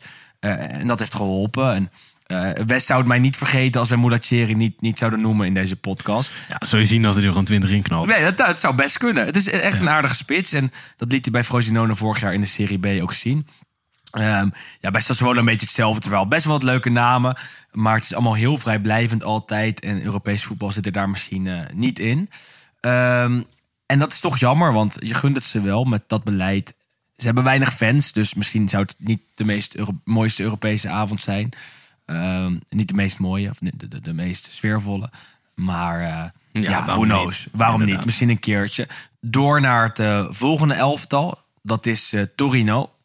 Torino, een eh, club met eh, heel veel historie. Natuurlijk eh, het Grande Torino, dat verongelukte tijdens de Superga-ramp. Daarna altijd veel fans gehouden. Maar ook heel vaak een elftal gehad dat onderpresteerde. Dat niet de verwachtingen wist waar te maken. Ehm, en die fanscharen van Torino verdient wat meer dan een plek in de middenmoot. Verdient ook wat meer dan een eigenaar zoals Urbano Cairo.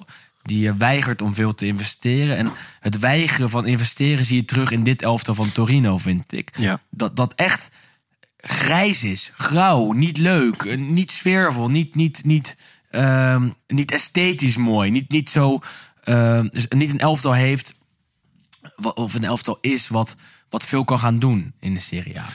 Nee, kijk, als je naar het eh, team kijkt waarmee zij aankomend seizoen ja, in lijken te gaan, kan ik daar niet heel veel bijzonders over zeggen. Kijk, eh, het is vaker zo dat Torino in het nieuws komt door een eh, schandaal dan doordat ze nou een hele leuke speler hebben gehad. Vorig jaar is Juric natuurlijk nog op de vuist gegaan met eh, de technisch directeur. Ja, Eh, ja. te- in het trainingskamp. En ja, dat zijn de dingen waar, waar Torino mee in het nieuws komt. In plaats van met wat er op het veld komt te staan. En ja, dat is jammer. Ze hebben wel Bellanova gehaald van Ah, Inter. ja, ja, ja, ja, ja, ja. Maar ja. Dat is echt niks. Dat is echt dat is helemaal echt niks. Dat is echt, dat is een, een, een non-voetballer. Inderdaad. kan alleen maar rennen.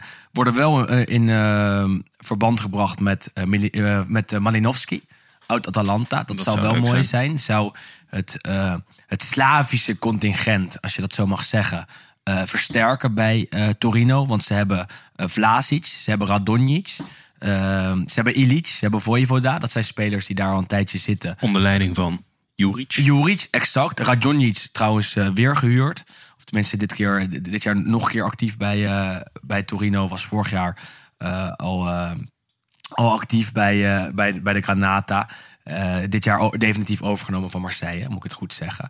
Ehm, nou ja, het, is gewoon niet zo'n mooi elftal. Eh, zeker als je ziet dat Ricci waarschijnlijk nog gaat vertrekken. Dat is de centrale middenvelder die enorm talentvol is. En eh, wordt genoemd bij Lazio, dat eh, best wel wat voor hem mogelijk gaat neerleggen.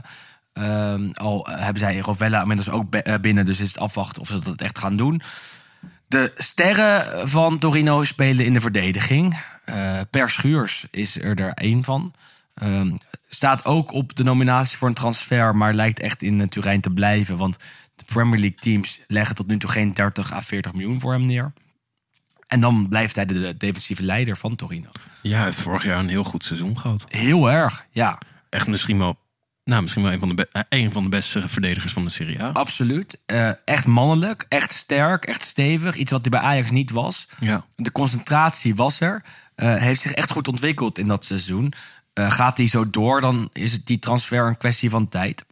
Maar het zou leuk zijn om hem nog een jaartje in de Serie A te zien in ieder geval. Absoluut. Hetzelfde geldt voor zijn eh compaan in de verdediging. Tenminste, ze spelen met drie man achterin. Maar Buongiorno, met de mooie naam, is eh, ook een hele goede centrale verdediger.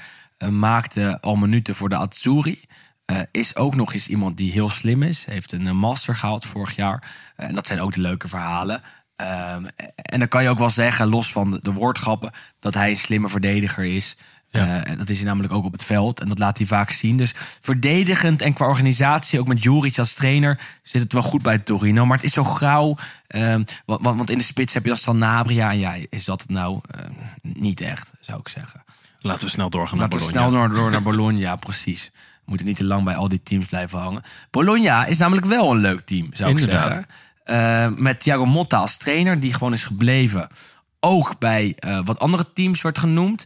Stel, Inzaghi was vertrokken bij Inter, was hij waarschijnlijk nummer 1 geweest. Motta ook genoemd bij PSC, bij Napoli. Ehm, Even mooi voet. Oh, hey. hoor je mij? Ja, Oké. ja. Heeft mooi voetbal laten zien bij, eh, bij Bologna afgelopen jaar. Heel aanvallend, eh, aantrekkelijk spel. Dus ja, ik snap wel dat hij bij verschillende wat grotere clubs eh, op de radar heeft gestaan. Absoluut. En bij Bologna gewoon het goed neergezet. Want vorig jaar het overgenomen van Sinisa Mihailovic, die inmiddels helaas is overleden ook. Zodra Motta erin kwam, werd het allemaal wel echt een stuk beter bij, bij Bologna. Aanvallender. En ze braken zelfs het, het puntenrecord in de Serie A. Eh, en dat is, dat is gewoon hartstikke knap geweest. Zeker met, met de negende plek als gevolg. Ja. Wat voor Bologna uitstekend is. Bologna een team dat heel vaak ook tegen degradatie moet vechten. En ook een beetje onder zijn stand leeft. Eh, als je dan negende wordt en dicht bij Europees voetbal bent, eh, dan is dat uitstekend. Zeker. Maar twee punten achter Fiorentina. En stel ze waren Fiorentina voorbij gegaan, hadden ze de Conference League gehaald. Maar goed, Ja. zo mooi kan het ook weer niet zijn voor, voor het team van Motta. Wie weet aankomend jaar. Raken Arnautovic kwijt wel aan Inter. Waarvoor Inter een miljoen of tien betaalt. Goede business voor, eh, voor de Rosso Blue. Eh, daar moet een vervanger voor komen. Schouten gaat naar PSV. Ja. Eh, maar voor de rest hebben ze wel een elftal waarvan je zegt... nou ja, er zit, zit, zit best wat interessants in, We toch? hebben ook wel weer in Nederland geshopt. Sam Beukema. Sam Beukema is eh, opgehaald bij AZ. Eh, Van Hooijdonk lijkt volgens mij ook terug te keren. Ja, maar die gaat weer weg. Die wordt niet echt in de selectie opgenomen. Ah. Maar Beukema, die gaat in de basis starten. Ja, dat denk ik ook. En bij afwezigheid van Arnautovic is de kans best groot... dat Joshua Zirkzee een basisplek krijgt. Die overigens een Oh. fantastisch doelpunt maakt in de beker. Heerlijk, hè? Bergkamp-esk. Mag je dat zo zeggen? Niet zo mooi, maar Wel echt mooi. Het idee ja, was het idee wel was leuk. Ja, en, en het was echt een mooie lichaamsschijnbeweging. Zou ik dus ook even delen in de, in de show notes op onze Vriend van de Show pagina. Ehm www.lagazzetta Nee, www.vriendvandeshow.nl slash Lo Stadio. La Gazzetta dello Stadio komt er niet meer aan te pas. Die linkjes, eh, eh, die, die zet ik daar allemaal op. En de link naar onze Vriend van de Show pagina deel ik op onze sociale media pagina's. Op Twitter en op Instagram.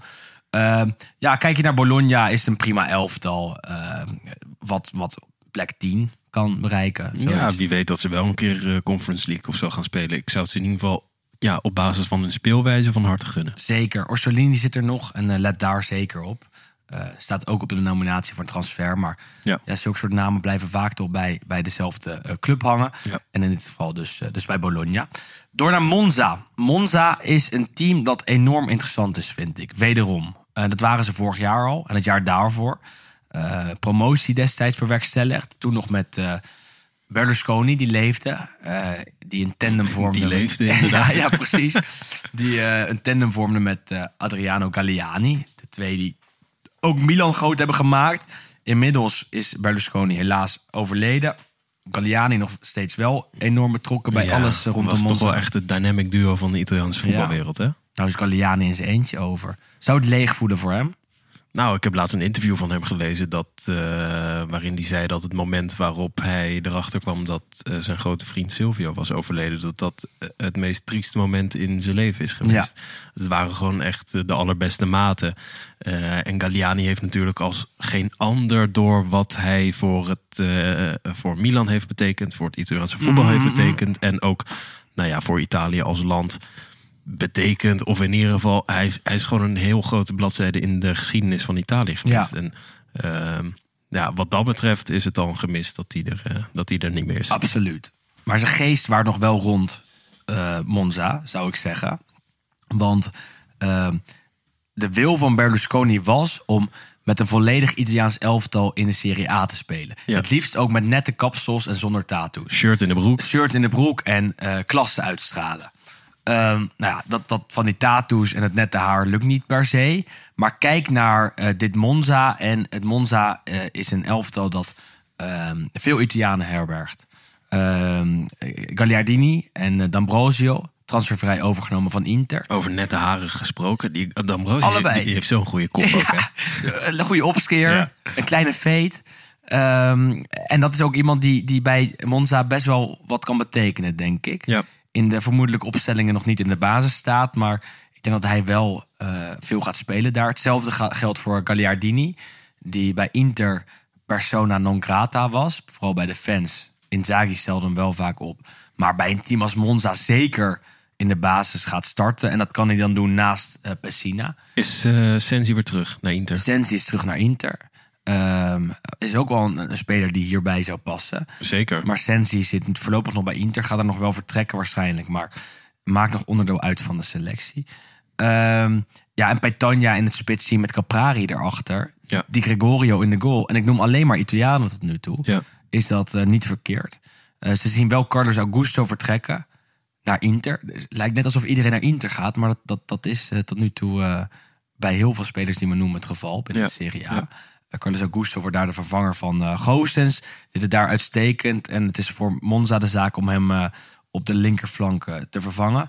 Monza zelf, ja, zoals gezegd, een aantal transfers gedaan. Maar dat waren er vooral een paar die transfervrij waren. Want veel van de spelers die vorig jaar gehuurd waren... zijn nu definitief overgenomen. Dus er is gewoon weinig geld bij Monza. Dus ze zijn een beetje aan het kijken hoe ze... Ja, ze zijn volgens mij ook aan het kijken naar... eh, om bijvoorbeeld wat talenten van eh, Juve te huren. Volgens Ja. mij wordt een Miretti genoemd bij Monza. Rovella bewijs, eh, bijvoorbeeld ook. En nou ja, geheel in de Italiaanse filosofie van de club... hopen ze die misschien een jaartje kunnen gaan stallen. zou niet verkeerd zijn. Ocoli van Atalanta wordt ook genoemd. Nou, dat zijn stuk voor stuk namen die daar wel wat kunnen betekenen. Monza, dat vorig jaar dus op een knappe elfde plek eindigde, hoopt dit jaar dat te verbeteren. En ja, ik heb ze op plek 8 staan. Eh, dus ik denk dat dat kan. Ja. Eh, tegen de subtop aan schurkend. Door naar Fiorentina. En Fiorentina is een eigenlijke subtopper, maar ook een middenmotor. Dus ja, we, we, we, we doen ze bij de middenmotors, zou ik zeggen. Ja. Want anders, want ze schurken niet tegen Rome aan. Misschien wel een beetje, maar net niet goed genoeg. Dus wat mij betreft vallen ze nog wel in, in, in dit gedeelte van de podcast. Hierna weer een kleine jingle. En dan gaan we door naar die, eh, die, die titelkandidaten en de subtoppers. Eh, eerst Fiorentina, dat vorig jaar eh, slecht begon. Zich uiteindelijk herpakte. en in de Serie A uiteindelijk op een achtste plek eindigde. En de Conference League finale en de Coppa Italia finale wist te halen. Die finales gingen wel verloren, helaas voor hen. Maar als je dat bewerkstelligt bij La Viola, bij Fiorentina, heb je best een aardig seizoen. Zeker ten opzichte van een aantal jaren daarvoor, waarin Fiorentina echt, wat toch in Italië een hele grote club is, compleet was eh, afgezakt. Dus er is eigenlijk jarenlang niks te vieren of eh, te juichen geweest in eh, Florence. En afgelopen jaar hebben ze goed voetbal laten zien. Italiano die het als trainer hartstikke goed doet. En ja, in twee finales gespeeld. En dat is voor een club als Fiorentina eigenlijk ongekende wilde. Zeker, zeker. Ehm, en toch willen ze door. Toch willen ze wat nieuws. En, en dat zie je ook in de transferperiode. Eh, je ziet dat Cabral werd verkocht voor, voor best wel veel geld aan eh, Benfica. Igor naar Brighton. En met dat geld hebben ze een paar mooie namen gehaald. Eh, Arthur moet op het middenveld ehm, wat, wat, wat creativiteit toevoegen. Al moet ik nog maar zien wat Ik daarvan ook. terecht gaat komen. Ja. Want die was bij Juve echt drie keer niks. Ze heeft al jaren niets laten zien. Ehm Jeremina, centrale verdediger, ook een beetje op zijn naam gescout. Ja. Ehm, een Zola van eh, Spezia overgenomen, noemden we al eerder even.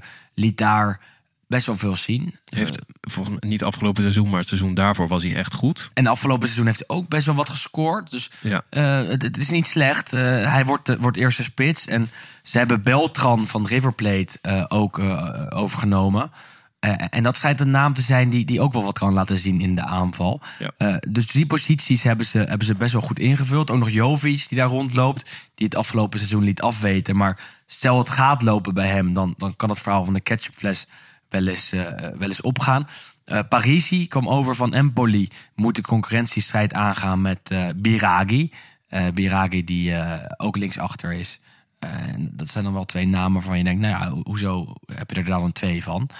Ehm, toch even afwachten hoe dat, eh, hoe, hoe dat gaat uitpakken. En ze hebben een nieuwe keeper. Want eh, in het doel verdedigt eh, Christensen de eh, paarse palen aankomend seizoen. Ehm, en het is even af- afwachten of dat wat is. Ja, die, die kennen wij denk ik allebei niet zo goed. Nee. Wordt wel eh, ja, op zich eh, over, ge- over gesproken en wordt gezegd dat hij eh, het prima kan gaan doen. Bij Fiorentina nog wel ehm, afwachten nu op 14 augustus. Want de kans dat Amrabat vertrekt is heel groot. Ja. Kan naar United in Engeland. Kan naar mogelijk Juventus. Als die geld bij elkaar rapen, lijkt mij heel moeilijk. En lukt het om hem te verkopen, wat waarschijnlijk dus gaat lukken, dan gaat Fiorentina zeker nog kijken hoe ze dat middenveld kunnen versterken en toch een controleur kunnen gaan kopen. En dan wordt die Julman genoemd van Letje. Ja. Eh, en eh, ja, dat, dat zou dan best een naam zijn die, die daar wat kan gaan doen. Dominguez van Bologna wordt daar ook genoemd. Dus ze gaan nog wel wat doen. En, en wat mij betreft eh, zijn ze al redelijk bezig. Alleen ben ik bang bij Fiorentina dat ze net als vroeger heel erg inzetten op de, de grote namen. Dat hebben ze met Mina gedaan nu. Ehm, dat, dat, dat, hebben ze eh, in zekere mate eh, ook met, met Arthur gedaan. En daardoor ben ik, ben ik een beetje bang dat ze vervallen in wat oude fouten. En dat ze niet naar plek 8, 7 kunnen doorgaan. Nee, maar aan de andere kant het feit dat eh, Italiano lijkt te blijven. en er toch ook nou ja, wat continuïteit in, in Florence lijkt te blijven, vind ik al wel een goed teken. Dus ja, we gaan het meemaken. We gaan het meemaken. Ik heb ze op plek 9. Jij? 10. 10. Nou ja, niet verkeerd. Eerste deel hebben we gehad. Tweede deel nu ook. Klein jingeltje. En dan gaan we door naar de titelkandidaten voor het komende Serie A seizoen. Yes. Dan nu de klappers van de podcast, Vin. Ja, want als je naar deze podcast luistert, dan, dan luister je ook deels voor de zeven beste teams, zou ik zeggen. Niet alleen deels, ik zou zeggen misschien wel Eh, grote Grotendeels, ja zeker. Bij, bij de teams die toch dit seizoen moeten gaan doen. Bij de teams die hopelijk er weer voor gaan zorgen in de Europese toernooien... dat het Italiaanse voetbal op de kaart komt. Ehm, en we beginnen bij het eerste team. Maar dat vind ik trouwens altijd wel echt leuk aan eh, Italië. En Mhm. nou, wij zijn natuurlijk ook heel erg eh, bevooroordeeld. En Ja, eh, vinden het Italiaans voetbal ook heel leuk. Maar ik vind het altijd leuk aan de Serie A dat er in principe altijd wel 7, 8 teams zijn die echt eh, leuk zijn. In ieder geval qua statuur, Ja. vaak ook qua spel. En dat heb je ten opzichte van andere landen toch wel een stuk meer in Italië, vind ik. als zullen de meeste mensen zeggen dat je dat in Engeland ook hebt.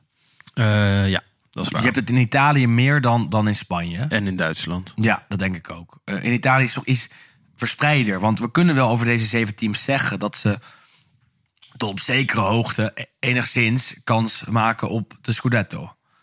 Enigszins, hè? Ja. Niet evenveel, maar Nou ja, kijk, het feit dat we de afgelopen vier jaar vier verschillende kampioenen Ja. hebben gehad, zegt al best wel veel. En natuurlijk hebben we daarvoor negen jaar op rij eh Juve gehad. En toen zat het Italiaanse voetbal ook in een dip. En dat zit nog misschien, misschien nog wel een een beetje. klein beetje kwalitatief gezien. Maar in ieder geval qua naam van de teams vind ik eh, zeg maar eh, eh, de, de, de top van de Serie A altijd, altijd heel aansprekend. Ja, zeker. Maar als we het over mooie voetbal hebben, hebben we het niet over het volgende team. Roma. maar wel over Europees succes. Twee jaar geleden de Conference League finale gewonnen van Feyenoord. Het hele toernooi dus uiteindelijk gepakt. Afgelopen seizoen de finale gehaald van de Europa League. Die verloren ze van eh, Sevilla na penalties. Een van, een van de verloren finales van het Italiaanse voetbal. Absoluut. Eh, een van de drie. Toen leek het erop dat Mourinho ging vertrekken. Ehm, uiteindelijk eh, zijn de discussies over de spelersgroep en over het beleid uit de weg geruimd. Ja, En is hij er nog steeds? Dat is Ja. goed nieuws voor, voor de Serie A. ja ik. zeker. Hoewel ik echt Ja, je toen wordt hij bij wel Roma moe. begon, eh, vond ik het hartstikke leuk dat hij daar naartoe ging. Eh, maar in de loop van eh, vorig jaar, ja, ben ik het allemaal wel heel clownesk gaan vinden, moet ik zeggen. Maar Met de hele staf wel. Ja, vooral eigenlijk ook door zijn staf. En Ja. volgens mij die keeperstrainer die eh, bijna elke Europese wedstrijd wel weer geschorst werd. Ja. Maar goed, ja, qua naam is het eh, heel leuk dat hij er zit. En ja, op zijn manier flikt hij het toch ook wel weer om in een Europa League finale te komen. Probeert dan natuurlijk wel aan het eind van het seizoen ook weer op geheel eigen wijze duidelijk te maken dat hij zijn selectie echt wel versterkt wil hebben. En in de zomer, want die, er is een foto gemaakt dat hij poseert met een denkbeeldige aanwinst. Ja. En dan zegt hij, nou, dat was niet de bedoeling. Het, het was niet, Hij niet weet de manier. Donders goed wat hij weet precies wat hij doet. Want iedereen die naar Roma kijkt, weet dat er nog spelers bij moeten. Ja. Eh, vorig jaar is er veel geklaagd over de blessures, over de breedte van de selectie. Kijk nu naar deze selectie. En, eh, en zie, of naar de selectie van dit jaar dus. En zie dat er alleen maar spelers weg zijn gegaan. Inderdaad. Eh, en er maar een paar zijn binnengekomen. Want eh Wijnaldum maakte best wat minuten. Lag er aan het begin veel uit. Maar eh, kwam er daarna redelijk in. Kamara was een speler die best wat minuten maakte. Tahirovic eh plus minus 10 duels gespeeld. Eh, en Ibanez was een basisverdediger. Ja. En die ging naar Saudi-Arabië. Eh, s- groot gelijk. Daar waren de Lazio-fans dan weer rouwig om. Want eh, dat is een speler die tijdens de derby met Lazio altijd fouten maakte. Ja, mooi hè? Toen reageerde ook het officiële account van Lazio op de aankondiging van de transfer van Ibanez naar Saudi-Arabië met een traan-emoticon. Ja, ja, ja. Moest- ik zag het en ik moest er echt hard om lachen. Dat, dat, dat is ook, ook schitterend. En, en ook terecht, want Ibanez maakte echt de afgelopen drie derbies telkens een fout die tot een doelpunt van Lazio leidde. Eh, hij is dus weg voor een eh, flink bedrag naar Saudi-Arabië. Hij ook. Ehm, en daar kwamen weinig spelers voor terug. En Dika werd overgenomen van eh, Frankfurt, centrale verdediger. Aouar van Lyon, een aanvallend ingestelde middenvelder. En Christensen, die hem nog kennen van zijn tijd bij Ajax, is een rechts, rechtsachter.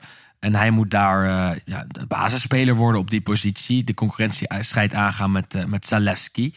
Ehm, Maar ja, het vuurwerk is er nog niet. Waar we vorig jaar echt... eh, nou ja, het leek wel elke dag dat er een grote speler naar Roma ging. eh Dybala, Wijnaldum, Mhm. Bellotti. Weet je, allemaal stuk voor stuk hele mooie transfers. En ja, dat vuurwerk is dit jaar nog uitgebleven. terwijl we het wel hadden verwacht. Enigszins. I- iets meer dan, dan dat er nu is gebeurd. Ja, Eh, en ik, als ik Mourinho zou zijn, zou ik wel teleurgesteld zijn over de transferperiode tot nu toe. Er moet echt wat bij. En Ik het, denk dat dat, hij lijkt, dat ook wel is. het lijkt ook wel bij te komen hoor. Want eh, Fabrizio Romano, dacht ik, of die Marzo tweette ook vandaag. dat eh, Roma heel dicht bij de komst van Renato Sanchez is, centrale middenvelder. Dat zou wel heel mooi zijn. Heel ja. mooi, Portugees. Ehm, en dat ze eh, zich nog meer op het middenveld kan, kunnen gaan versterken. En ook in de aanval kijken naar Zapata. Eh, die dan wordt gehuurd van Atalanta. Op het middenveld zou het om Paredes gaan. En die Maar namen... als twee van die drie komen, dan ja, vind ik dat Ja? wel een goede transferzomer. Ik schrik daar wel een beetje van. Paredes was echt slecht bij Juve. Zapata is al een jaar niet zo goed geweest bij Atalanta. Maar ik vind het wel een goede spits. Ja, oké. Ik heb tien keer liever Zapata dan Belotti in mijn team. Absoluut. Terwijl Belotti nu eh, potentieel een basisklant wordt. Ja, Want er is geen ja, andere ja. spits. Dus ik, misschien geef ik je wel gelijk. En Renato Sanchez... en ook qua naam vind ik het wel leuk. Precies. je, ja. En Sanchez kan, kan op het middenveld bij Roma echt wel wat betekenen. Wat, Ja. wat vuur eh, brengen. Ja. En, en als je uh, Wijnaldum, die is vertrokken, vergelijkt met Sanchez... zou ik ook zeker nu liever Sanchez hebben. Aan de andere kant moet er dan nog wel wat bij. Ehm, en, en is het echt afwachten of eh, de Friedkins hun eh, portemonnee gaan trekken. Zou voor Mourinho wel lekker zijn. Want anders ga je toch ook van zijn kant heel veel geklaag horen. Ja, dan wordt het echt geen, eh, geen leuk seizoen. Nee, ik heb ze ook op plek 7 staan. Ja, lijkt me een vrij realistische inschatting. Ja, dat het gewoon niet, niet, net niet goed genoeg is. Nee, nee. Ehm, de fanclub van Roma is al niet zo'n fan van ons. Ja, na voorspelling plek 7 zal dat eh, niet veel beter worden. Oké, eerlijk zes dan. Eerste, eh, Scudetto. Eindelijk weer Scudetto. Nou, Ja. Het zou wel fantastisch zijn als Roma de Scudetto pakt. Dat zou ik echt geweldig vinden. Ja. Het gaat niet gebeuren. Ik acht de kans nul. Maar als Roma de Scudetto pakt, het jaar nadat Napoli het heeft Stel gedaan... je voor, dan hebben we vijf verschillende En, teams. en Ja. Rome. Ik wil, ik wil naar Rome. Dat, dat Rome eh volloopt. Het eh Circo Massimo. Ja. Dat, dat, Want dat is inmiddels ook al meer dan twintig jaar geleden. Ja, natuurlijk. voor het kampioenschap dan. Dat tenminste met, met de Conference League finale die ze wonnen. En, en die prijs die ze toen pakten. Ja, maar Scudetto is veel- Scudetto, veel de. Scudetto is de Scudetto. Niet de Conference League prijs. Een, een prijs die is verzonnen. Nee. Ehm, Roma, dus plek 6 of plek 7. Door naar Lazio. Ehm, Lazio vorig jaar eh, tweede geëindigd. Eh, dus eigenlijk is het een beetje onbeschoft dat we ze hier neerzetten. Nee, ik dacht dat we eerst Atalanta ook zouden doen, maar Lazio is ook prima. Laten we eerst Atalanta doen. Want anders dan, eh dan, Ja, verpest we het die, beetje... hebben die Romeinen gelijk gehad. Precies. dus nee, je hebt eerst. Atalanta. Laten we eerst Atalanta doen. Atalanta net al even genoemd. Eh, gaan zich waarschijnlijk ontdoen van eh, Zapata. Ja. Dat is niet de enige spits die ze deze transferperiode eh, verliezen. Want eh Hoylund deed het afgelopen jaar echt wel goed. Niet fantastisch zou ik zeggen, maar echt wel goed. En werd Ik voor... hem echt wel heel goed. Ja, oké, ik was ook wel echt fan van hem. Ja. Maar als je naar zijn cijfers kijkt, was het niet zo dat hij eh, een meer dan 70 miljoen waard was al. Of, of is, ja, dat, is dat het- heel het, erg Het bedrag door waarvoor hij uiteindelijk weg is gegaan, volgens mij 85 miljoen, Ja, is echt volstrekt belachelijk. dat bedoel ik. Dat bedoel ik vooral. Hij scoorde negen keer in de Serie A. Ja. Wat echt wel prima cijfers zijn voor, Ja. een, voor een, een spits die voor het eerst eh, op het hoogste niveau van Italië speelt. Maar 85 miljoen. Ik twijfel erover of hij in de Premier League eh, het gelijk kan laten zien. Wat ze bij United wel verwachten, denk ik, voor dat bedrag. Nou, zeg maar, ik heb hem zien eh, spelen en ik dacht, nou, dit is wel echt een hele goede spits. En ik zei ook wel van, nou, hij heeft het echt heel goed gedaan. En bij Atalanta heeft hij het ook echt heel goed gedaan. Maar ik vind het voor de 40 miljoen. Premier League echt nog een eh, ja, relatief licht gewicht. Eens. Ik had er 40 of 50 voor gegeven. Hij is wel pas 20. Ja. En als je als 19 à 20-jarige 9 keer scoort in de Serie A, is het wel interessant. Maar 85, ja. ik had hem gewoon nog een jaar bij Atalanta willen zien. Ik ook, ik ook, ik ook, ik ook. En niet in de Premier League op de bank eh, willen zien. Nee. Aan de andere kant is het voor Atalanta wel een hele in- interessante transfer geweest. Zeker. Want het betekent dat zij kunnen investeren in een selectie die moest worden opgefrist. Ja. Hebben ze ook gedaan. Scamacca kwam, stond in de belangstelling van Inter. Atalanta kaapte die deal en heeft daar meer dan 20 miljoen voor neergelegd. Scamacca is voor Atalanta een hele interessante speler. Ja. Eh, nemen ze dus definitief over van West Ham. Gaat zeker in de basis staan bij Atalanta. En is een spits die, die daar eh 15 keer kan scoren. Of misschien zelfs meer. Ja, en eh, zeker als tandem met Loekman, die vorig jaar Ja. ook fantastisch was, hebben ze echt, echt een hele leuke aanval bij Atalanta. Leuk en ook relatief jong. Ja. Dus ze kunnen er een paar jaar mee door. En dat zijn ook twee spelers met eventuele verkoopwaarde. Mhm. Dus interessant gehandeld. Jammer dat eh, Boga weg is naar Nice, die ook altijd, nou, afgelopen jaar niet fantastisch Mhm. was, maar wel altijd wat kleur aan de, aan de voorhoede van, eh, van Atalanta gehad. Ja, maar hebben ze ook voor een flink bedrag kunnen verkopen. Ja. Dus ze doen het daar heel goed. En kijk naar de inkomende transfers verder. Dan, dan is Carnesecchi ehm, iemand die terugkomt van zijn verhuurperiode bij Cremonese. De concurrentiestrijd moet aangaan met Musso. Ik denk dat hij die gaat winnen, want hij is gewoon ook. beter. Ja. Eh, en Carnesecchi is potentieel de eerste keeper van de Azzurri. Ja. Waar het niet dat Donnarumma er is, maar Donnarumma doet het de afgelopen tijd weer wat minder. Dus is een beetje gestagneerd. is gestagneerd. Dus Carnesecchi kan daar misschien wel overheen. Ehm Cambiaghi kwam terug van Empoli, kan minuten gaan maken bij Atalanta. Ehm, en eh, dan moeten we ook nog even naar de verdedigers kijken. Want Kolasinac is oud Arsenal. eh, is een man die... ehm, er kwam even iemand bij ons raam kijken om te kijken wat we aan het doen waren. Zijn er jongens nou aan het podcasten? Zijn er daar jongens in de, in de woonkamer Serie A podcast aan het opnemen? wat een Italiaans voetbalnerds. Ehm Kolasinac, oud Schalke, oud Arsenal. Ehm, gaat bij Atalanta waarschijnlijk centraal in de verdediging spelen. En, En, ja, ja, dit vind ik een hele mooie transfer. Mitchell Bakker. Mitchell Bakker. Ja, hoezo mooi? Nou, die heeft eh, in het buitenland bewezen eigenlijk echt heel goed te zijn. En eh, zeker voor Atalanta zie ik hem op de linkerflank. Nou ja, de rol vervullen die eh Goossens een aantal jaar geleden Zeker. heeft eh, vervuld. En dat zie ik hem ook hartstikke goed gaan doen. Dus daar ben ik echt heel erg benieuwd naar. Ik ook, hoe hij technisch is bij- in dit elftal van Nederlanders Atalanta. bij zijn leuk. Ze- Het is een heel Nederlands team, Ja, praktisch. ja. De Roon zit er nog, Koopmeiners zit er nog. Hatenboer keer terug van een zware knieblessure. Ehm, Bakker erbij. Bakker erbij. Dan heb je een hele linie die kan bestaan uit Nederlanders. Ja. En dat is leuk. Dus eh, zeker voor ons Nederlanders. En we doen de Belgen misschien een beetje tekort. Want we worden vooral in België beluisterd natuurlijk. Maar voor ons Nederlanders is het hartstikke leuk om, eh, om hier naar te gaan kijken. En als we dan toch even bij de Belgen zijn aangekomen... eh, is het te hopen dat de ketelaren aan de selectie van Atalanta wordt toegevoegd. Ja, dat zou ook echt fantastisch duurt, duurt lang, die transfer. Ze willen hem huren met optie of verplichting tot koop van, van eh, Milan. Leek een tijdje naar eh, PSV te kunnen. Ja, maar Atalanta bood meer qua salaris en qua transfer. En ehm, Ik zie hem ook liever bij Atalanta dan ook, bij PSV. ik ook. Ehm, want Ik hij kan het als echt het doorgaat, denk ik ja, dat hij zomaar eens een revival kan eh, krijgen. Want vorig jaar was hij echt heel slecht. Heel slecht, nul doelpunten. Ehm, ik heb wel vertrouwen in hem, zeker onder Gasparini. Alleen het schijnt eh, een beetje stuk te lopen op de zaakwaarnemer eh, Ja. kosten. Ja. Eh, dus even afwachten hoe dat, hoe dat gaat lopen. Maar Ja. eh, de ketelaren achter Loekman en Scamacca is voor een club als Atalanta fantastisch. Echt fantastisch. Bij, bij hen is die stijgende lijn zo constant en goed. Daar hou ik enorm van. Dat, dat is beleid. Weliswaar af en toe geen Europees voetbal gehaald. Of, of voor de Conference League of Europa League gespeeld. Conference League nog niet. Ehm, Maar ja, ook gewoon kwartfinale Champions League gespeeld. Exact. Dus, jaar geleden, ja. dus er, er zitten echt veel hoogtepunten. En, en dit jaar denk ik dat zij absoluut eh, kunnen gaan strijden om die top 4. Ik Ja, hoop ik dat ze halen, maar De eh, wel of niet komst van eh, de ketelaar zal natuurlijk ook invloed hebben op wat uh, Koopmeiners gaat doen. Ja. Die in de nadrukkelijke belangstelling van eh, Napoli onder andere Ja, staat. ja. Dus, eh, ja, er is daar eh, genoeg eh, gaande. W- wat denk jij? In vorm, liever eh Koopmeiners of eh, de ketelaren? eh, koopmijners. TK7. Die, nee, maar die kan meer dan de ketelaren. Ja. Koopmijners kan centrale verdediger staan. Koopmijners kan centraal staan. Koopmijners kan zelfs op 10 staan. Ja. Eh, de ketelaren kan eigenlijk alleen op 10 staan.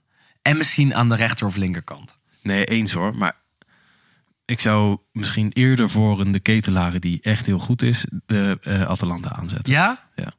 Ik, ik ben fan van Koopmijners. Mooie trap. Vorig jaar vanaf de middenlijn gescoord. Ja, dat is waar. Eh, daar kijk ik ook wel voor. Eh, en ik kijk ook wel een beetje naar Atalanta voor Scalvini. Ja. Eh, centrale verdediger die straks in Die de ook op een gegeven moment echt de top van de... Absoluut. Moet je in de gaten houden. En Atalanta, je hoort het al aan het enthousiasme waar, waarmee we erover spreken, is een team om voor te gaan zitten dit jaar. Weer. Eh, en dat gaan wel een beetje counteren, denk ik. Maar leuk counteren kan Ik ook denk- leuk zijn. Ik ga liever dit jaar naar Atalanta kijken dan vorig jaar. Dat denk ik ook. Gewoon meer leuke spelers. Ja. En um, een bakker en een Skamaka en mogelijk de ketelaren. eh, ja, die, die, die, die dragen daar zeker aan bij. Klopt, iets meer blikvangers. En dat, dat vind ik dat is altijd leuk. Plekje 5 voor mij. Eh Lazio. Lazio vorig jaar nummer 2. Lang meegedaan om de topplekken, niet om de titel. En uiteindelijk de beste plek gepakt die mogelijk eh, was. Want Napoli was al snel weggesprint. Lazio uiteindelijk tweede geworden. En dat met eh, volgens mij de beste verdediging van, eh, van de Serie A. Ehm, geen ploeg kreeg er, tenminste alleen Napoli kreeg minder tegen. Ehm Lazio aan het, begin, aan het eind toch nog een beetje, nou niet ingestort, maar wel een paar punten. Ja, gewoon verspeeld. typisch, typisch eh, Lazio en typisch Sarri uiteindelijk. Denk ik. Uiteindelijk toch een beetje dat- die concentratie die, die ze verloren. Maar ja, plek, eh, plek 2 is echt eh, uitstekend. Alleen zie je dan dat de beste speler vertrekt met Milinkovic Ja, dit vind ik nou echt jammer. Ja, ik We ook. hebben, denk ik, echt wel tien keer in, nou misschien wel vaker in onze podcast gezegd dat we het, nou ja, dat het moment dat eh, Milinkovic, eh, Savic eh, naar de Premier League zou gaan, toch vroeg of laat een keer zou komen. En dat hij bij eh, United zou gaan spelen, of misschien wel bij Real Madrid. Eh, eh, eh, En hij eh, bleef eh. maar bij Lazio al die jaren. Ja. En dat was leuk voor de Serie A. Maar eh, nou, volgende zomer zou hij toch echt weer eh, vertrekken naar de Premier League, eh, et cetera, et cetera. En nu, ja, naar Saudi-Arabië. En dat vind ik echt zo jammer. kan er gewoon heel veel verdienen. Dat is de enige reden. Ja, Maar, eh, ik ga ervan zuchten. In 2017 brak Milinkovic Savic door bij Lazio. Hij was fantastisch. Scoorde veel, liet zien dat hij alles kon op het middenveld. Assist, verdediging, eh, verdedigend werk. het Eh, powerhouse het van de Serie A. powerhouse van de Serie A. Dat bleef hij zijn. Hij kende wat, wat, wat vormcrisis. Eh, maar uiteindelijk eh, was hij de man. Afgelopen zomer denk je dan, of deze zomer denk je... hij maakt die stap en dan gaat hij naar Saudi-Arabië. Het is gewoon einde carrière. En dat is zo jammer. Ehm, voor iedereen, voor elke liefhebber. Want kijk naar afgelopen jaar en je hebt weer zoveel assists van Milinkovic Savic waarvan je denkt, oh, dat is mooi. Eh, en dat heb je nu bij, bij Lazio wat minder. Eh, in de Serie A überhaupt wat minder, want er zijn best wel wat namen weer vertrokken. Eh, maar van Milinkovic Savic vind ik het het aller het meest jammer. Ehm, we zijn toch al een uur eh, en wat langer aan het praten. Dan eh, eh, moeten we de concentratie nog eventjes eh herpakken. Nee, maar dat komt goed. Dat komt goed. Want het zijn de mooie teams. Ja. En eh Milinkovic Savic is ook een speler die bij mij wel enthousiasme oprakelt. Ehm, en als hij naar Saudi-Arabië gaat, is dat enthousiasme in één keer weg. Ja, zeker als je kijkt wat ze voor eh, terug hebben gehaald. Want ze hebben Kamada van eh, Frankfurt Ja, eh, transfervrij. eh, aangetrokken. Die nog best wel lang naar eh, Milan eh, Ja. leek te gaan. Nou, uiteindelijk toch bij Lazio aanbeland. Ja, dat is het weet niet. je, daar ga ik niet Lazio voor aanzetten. Nog nee, niet. Maar, maar, maar, ze hebben wel iemand gehaald waarvan ik zou zeggen... dat is mogelijk een nieuwe Hoylund. Dat is mogelijk iemand waarvoor je moet gaan kijken. Dat is namelijk Gustav Isaksen. Eh, een, eh, een Deen, rechtsbuiten, waar ze flink voor hebben betaald. 12 miljoen van Midtjylland. Eh, dit vind ik een leuke transfer. Die ehm, kan bij Lazio wel eens wat, wat, wat gaan betekenen, wat gaan doen. Extra buitenspelertje ja. die we allemaal niet zo goed kennen, waar wel hoog over wordt, over wordt opgegeven. Ja, Philippe Anson wordt natuurlijk ook wel een jaartje ouder. Dus Precies, dus Isaacsen erachter en Immobile heeft ook eindelijk iemand achter zich. Ja. Want eh Castellanos kwam over uit eh, de Premier League. Eh, en dat is een speler die in de Premier League gewoon goed was voor 50 doelpunten in iets meer dan 100 duels. Ja. En nou, of in de Premier League, in de MLS. MLS. Ehm, en ehm, dat zijn aardige cijfers. Ehm, Ja, cijfers waar, waardoor het altijd interessant meer, is. Sarri Ja. wil altijd meer. Die is weer aan het zeiken bij, bij Maar ik snap hem wel. Ja. Hij moet meer krijgen. Zeker als je Champions League gaat spelen, weet je wel. Dan moet je is gewoon geld. echt een sterkere selectie hebben dan dit. er is geld, er is weinig geïnvesteerd. Castellanos kostte wel wat, Isaacsen ook, maar er is geld. En er moet zeker nog een middenvelder bij. Ja. Om eh, te concurreren met, met die teams, ook in de Serie A, maar ook in Europa. Ja, ze zijn ook Ehm, elk jaar wel geïnteresseerd in Zielinski van Napoli. Maar die lijkt ook naar Saudi-Arabië te gaan. Ja. Dus ja, ik, ik ben benieuwd wat daar uiteindelijk bij komt op het middenveld. Eh, maar daardoor denk ik, ondanks sorry, ondanks die transfers die ze nu hebben gedaan, dat plek, plek, plek 6 ongeveer het maximaal haalbare is voor Lazio. In mijn, in mijn opzicht. ik vrees het ook 5, 6 of zo. 5, 6, zoiets. Niet weer net zo'n seizoen als afgelopen jaar dat ze tweede worden. Maar, het moet gezegd worden, vorig jaar hebben we ze ook onderschat. En toen eindigen ze als, als tweede. Ja, en als Sarri het eenmaal op stoom heeft, eh, dan, ja, dan kan je misschien kwalitatief wat minder spelers hebben. Maar als het spel zo goed en, eh, en vloeiend is, Er zijn die puzzelstukjes eh, ja, goed eh, die bij Snel elkaar gelegd, passen. Snel gelegd, zo is het. En Luis Alberto zit er nog. ja. En dat is toch wel lekker, want eh, dat is een speler om, eh, om van te genieten.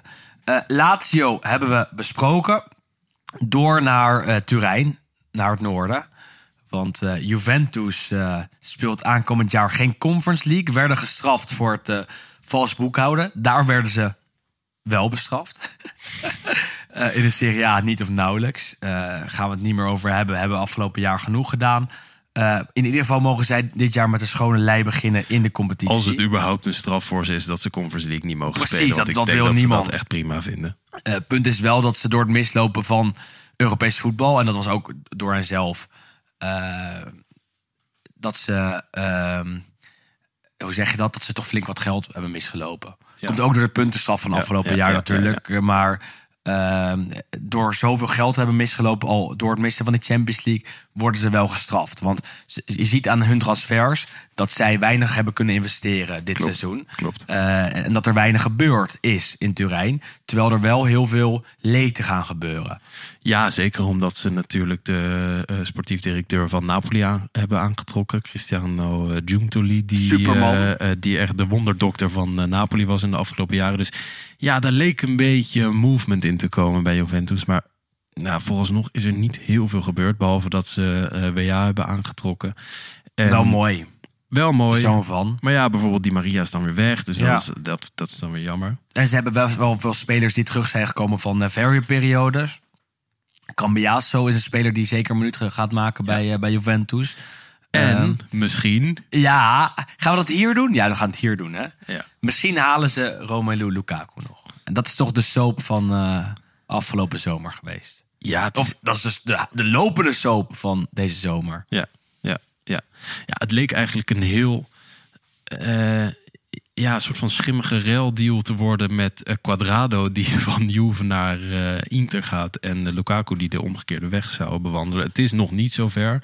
De fans zijn zich er ook tegen aan het verzetten. Ja, in die zin een ruildeal dat Inter Quadrado niet wilde. Precies. De fans in ieder geval. En, precies. twee En- controversiële ja, transfers. Ja, los van, die transfers staan los van elkaar. Want Quadrado was transfervrij. Ja, ja, ja. En Lukaku is eigendom van Chelsea. Dat klopt, dat klopt. Maar ja, Quadrado is inmiddels wel speler van eh, Inter. Ja. Eh, met genoeg controverse natuurlijk eh, van dien. En Lukaku nog niet van Juve. Gaat ook een beetje in een soort rollercoaster. Leek eerst 100% zeker te gebeuren. Toen was het, werd het weer even wat kouder in kamp Lukaku. En nu ja, lijkt het toch er wel weer van te gaan komen, Ja. eventueel. Lijkt er wel op, maar ook weer niet. Want Nee. ehm, Chelsea wil Vlaovic terug. Maar dan vindt Juve dat Chelsea 40 miljoen moet bijbetalen. Ehm, dus dan zou het een deal zijn van 40 miljoen plus Lukaku voor eh Vlaovic. En dat vindt Chelsea te gortig. Ehm, alleen, ja, het is gepuzzel. Het is een beetje eh, kijken of dat kan überhaupt. Lukaku schijnt zelf wel naar Juve te willen. Lukaku was natuurlijk lang dichtbij een transfer naar Inter. Bleek eh, al maandenlang in gesprek te zijn met Juve. Daar was Inter niet van gediend. Die hebben zich toen teruggetrokken uit de deal met Chelsea. Ook uit de deal met Lukaku. Die zeiden, wij hebben er alles aan gedaan om jou naar Milaan te halen. Jij bent hier een clublegende. Maar jij blijkt al tijden in gesprek te zijn met de aardsrivaal. Dus Terwijl nog jou niet bij hebben. opgenomen van... ik ga nooit naar Juve. Ja. En nou ja, goed. Nou, ik snap hem niet. Ik snap hem niet. Niet alleen als interista niet, maar ook als persoon en als voetballiefhebber niet. Eh, en ook als mens niet. Want afgelopen april werd hij nog racistisch bejegend door de fans van Juventus. Het is voor mij makkelijk zeggen als, als witte man, maar ehm, dan zou ik er wel over nadenken of ik wel voor die fans wil gaan spelen aankomende eh jaren. Helemaal eens. Ehm, en eh, toch lijkt het mogelijk te gaan gebeuren. Al schijnt Lukaku ook in de belangstelling te staan van de Spurs ehm, uit Engeland. Dus het is daar nog een beetje gepuzzel. Ja, maar voor de rest is niet heel veel Nee. veranderd in de basis zelf. Nee. Ik zit even te kijken naar wie er eh, vertrokken zijn bij Juve. Eh, het zijn er vier tot nu toe. Heb jij ze voor je toevallig of niet? Quadrado, Paredes, Di Maria en, En? Iataren. Iataren. ja, ja, ja, ja, ja, ja, ja, ja. Daar moeten we het niet meer over hebben. Nee, dat, nee, eh, nee. Dat, dat is iemand die, die eigenlijk geen voetballer is. Ja. Ik vind het wel jammer dat die Maria weg is. Zeker, absoluut. Toch een speler waar we van hebben kunnen genieten. Hij was ook echt heel goed. Oh, eh, eh, absoluut. Eh, had wat beter kunnen zijn nog. Toch wel vaak geblesseerd geweest.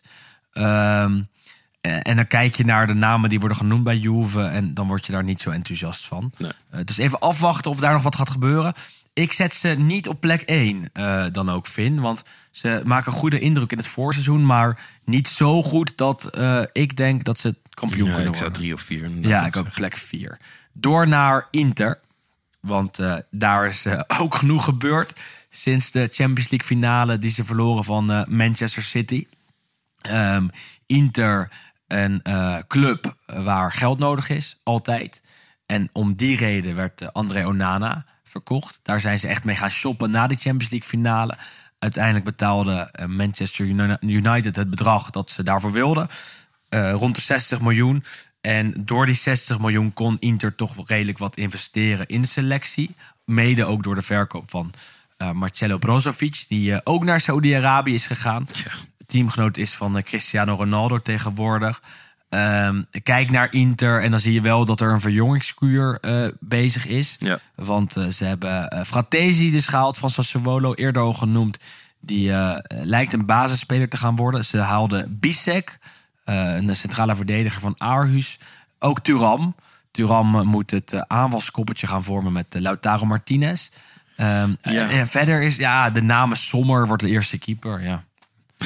Ja, voor al jongenskuur, echt een mm. hele dikke blunder maken in de Ja, ik voorbereiding. ook, Maar ja. nou ja, goed, er zijn wel pardon, wat eh, ja, oudere vossen natuurlijk eh, vertrokken. Skriniar weg eh, de, eh, naar eh, PSG, wat er al heel lang aan zat te Ja. komen. Gagliardini naar Monza. eh, Jaco naar eh Fener. Dus Handanovic, niet verlengd. D'Ambrosio, eh, Lukaku weg. Dus Precies. op zich, er zijn wel echt wat ouder, ouder spelers vertrokken. Ook wel spelers met, een- met een, ja, toch wel een grote naam. En met een dik salaris. En, dat is voor Inter salaris. ook belangrijk. Ehm, ze zijn dus bezig, zoals gezegd, met Samarcic van, eh van Udinese. Eh, een jonge middenvelder om aan het elftal toe te voegen. Of dat gaat lukken, dat is afwachten. Er komt ook nog een spits. En dat wordt geen jonge spits. Ook al zaten ze lang achter Balogun van Arsenal aan. Maar die bleek te duur. Het wordt namelijk Marco Arnautovic. Die eh, het eh, wagenpark in de aanval van eh, Simone Inzaghi gaat completeren. Dan heb je straks dus Jij Lautaro... bent geen fan, hè? Nee. Nou, nee. Nee, kijk. Mijn mening is als volgt. Haal je Arnautovic als vierde spits? Prima. Hou Als je... derde spits toch ook echt helemaal prima. Mm, vind ik niet. Te oud. Eh, Touram is geen echte spits. Die moet nog wennen aan de Serie A. Haal daar iemand die kan concurreren met Touram. Dat gaat Arnautovic niet doen. Arnautovic is een derde spits, is een bankzitter. Ja. Correa is de vierde spits, heeft nog niks laten zien in het shirt van Inter. Ik had er altijd voor gekozen om wat meer geld, dat er echt moet zijn, want Brozovic en Onana zijn voor veel geld verkocht, maar Soening, de eigenaars, houden het op zak. Die laten het niet eh, naar de selectie vloeien. Ehm, die bepalen dat er niet echt mag worden geïnvesteerd. Ik had in alle tijden toch wat geld eh, erbij gelegd voor Skamaka, waar ze Ja. lang achteraan hebben gezeten. Dan had je een spits gehad die de concurrentie voor de basis aan kon gaan. En Arnautovic kan dat niet. Arnautovic gaat nooit de echte basisspits van Inter worden. En dat vind ik zonde. Zeker omdat ze 10 miljoen euro neerleggen voor een speler die al een aantal jaar in de 30 is. Eh, en dat vind ik zonde. Eh, de discussie is wat mij betreft niet wie anders dan Arnautovic. De discussie is waarom verkoopt Inter telkens en elk jaar de afgelopen seizoenen voor veel geld en wordt dat niet geïnvesteerd in de selectie? Dat vind ik kwalijk. Ja. Eh, want dit is een elftal dat met pleisters aan elkaar is geplakt. En het is weer tijd om aan de toekomst te denken. Dus eigenlijk moeten de eigenaars de club verkopen. Als zij de eh, ploeg eh, en de club op deze manier willen leiden. Want dit, dit gaat niet. Dat Inter Ze zijn wel jaar- met drie pleisters in de Champions League finale. dat wilde ik zeggen, maar dat was natuurlijk een wonder geweest eigenlijk. Want eh, ze haalden Acerbi van Lazio, die huurden ze. Dat was ook een speler in de 30. Ehm, ze doen nu hetzelfde met Onana, die eh, een relatief jonge keeper is. Die ze vervangen met Sommer. Eh, je ziet het met Lukaku, die niet komt. Waar Arnautovic het voor komt. Het is echt jammer dat ze Sommer hebben gehaald en niet... Ja? Ja, is toch helemaal niet zo... Prima keeper. Ja, zo kijk ik ernaar. Prima keeper, maar ook voor één of twee jaar. Het is puur korte termijn denken van Inter. Eh, en en dat, dat snap ik gewoon niet zo goed. nee, nee. Terwijl ik tegelijkertijd zeg dat ze aan een verjongingskuur bezig zijn. Eh, het, het, het, het, klopt gewoon niet helemaal, het beleid. Ik zou er heel moe van worden als ik een van de sportief directeuren van de Nerazzurri was. Eh, en als fan word ik er al moe van. Want ik begrijp het niet dat er niet in- wordt geïnvesteerd op het moment dat er wel geld is voor een, een goede eh, nieuwe spits. Ik zet ze dan ook niet op plek 1. Ik ook niet. Terwijl ze wel echt, denk ik, het beste middenveld van eh, de aankomende serie A Absoluut. hebben. Als, eh, zeker als Samardzic Dan eh, hebben ze zes komt. spelers die in de basis Ja, kunnen starten. ja, ja. Alleen de aanval is dan niet goed. Is mager, Ja. verdediging, prima. Oké, met Darmian centraal. Dumfries, die echt moet gaan opletten. Want de Quadrado kwam dus van Juventus. Is zeker een speler die nog een jaartje eruit kan persen. En vervolgens wel in de basis staat bij Inter. Ga jij juichen voor Quadrado? No comment.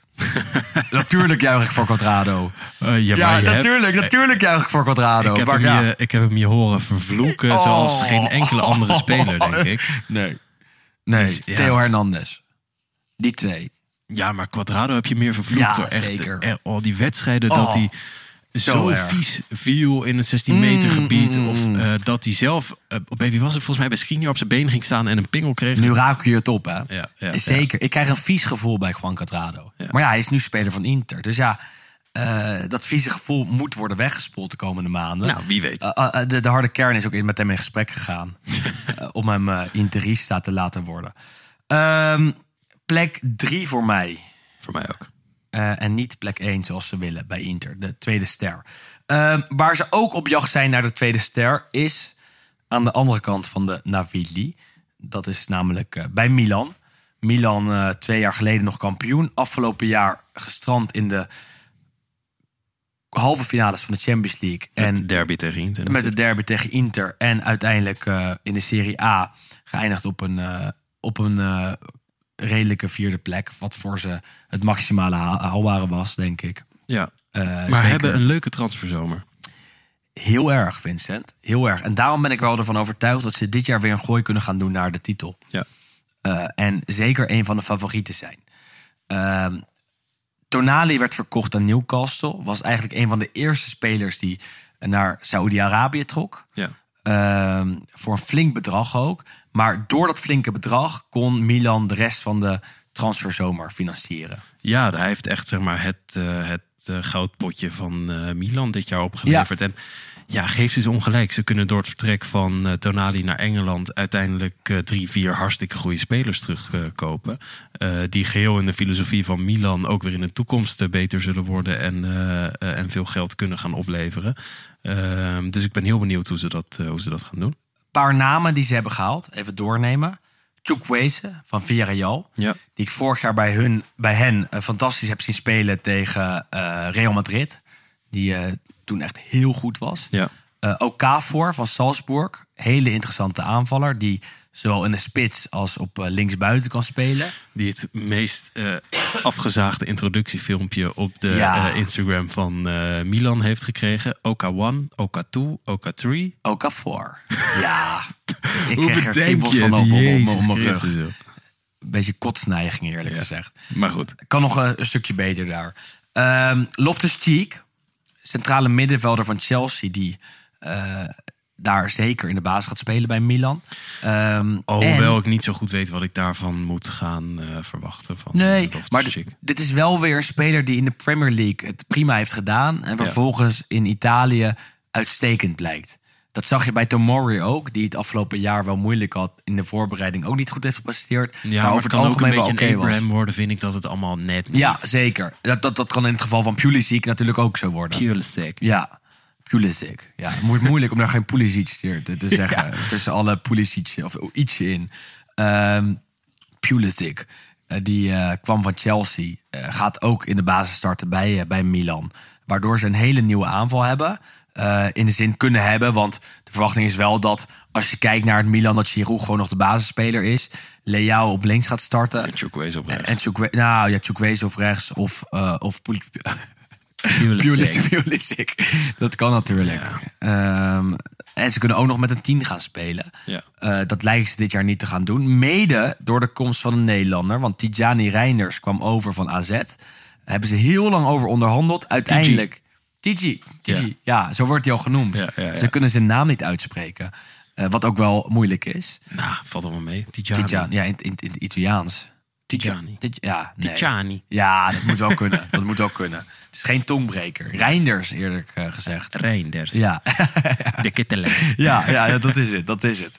Eh, maar de verwachting is wel dat Reinders, door zijn goede spel in de voorbereiding, eh, basisklant wordt bij Ja. Milan. Ja, ja, Ehm, ja. Heeft het echt goed gedaan. Speelde vorige week tegen Monza hartstikke goed. Die wedstrijd heb ik deels gezien. Werd toen ook uitgeroepen tot de beste speler van de wedstrijd.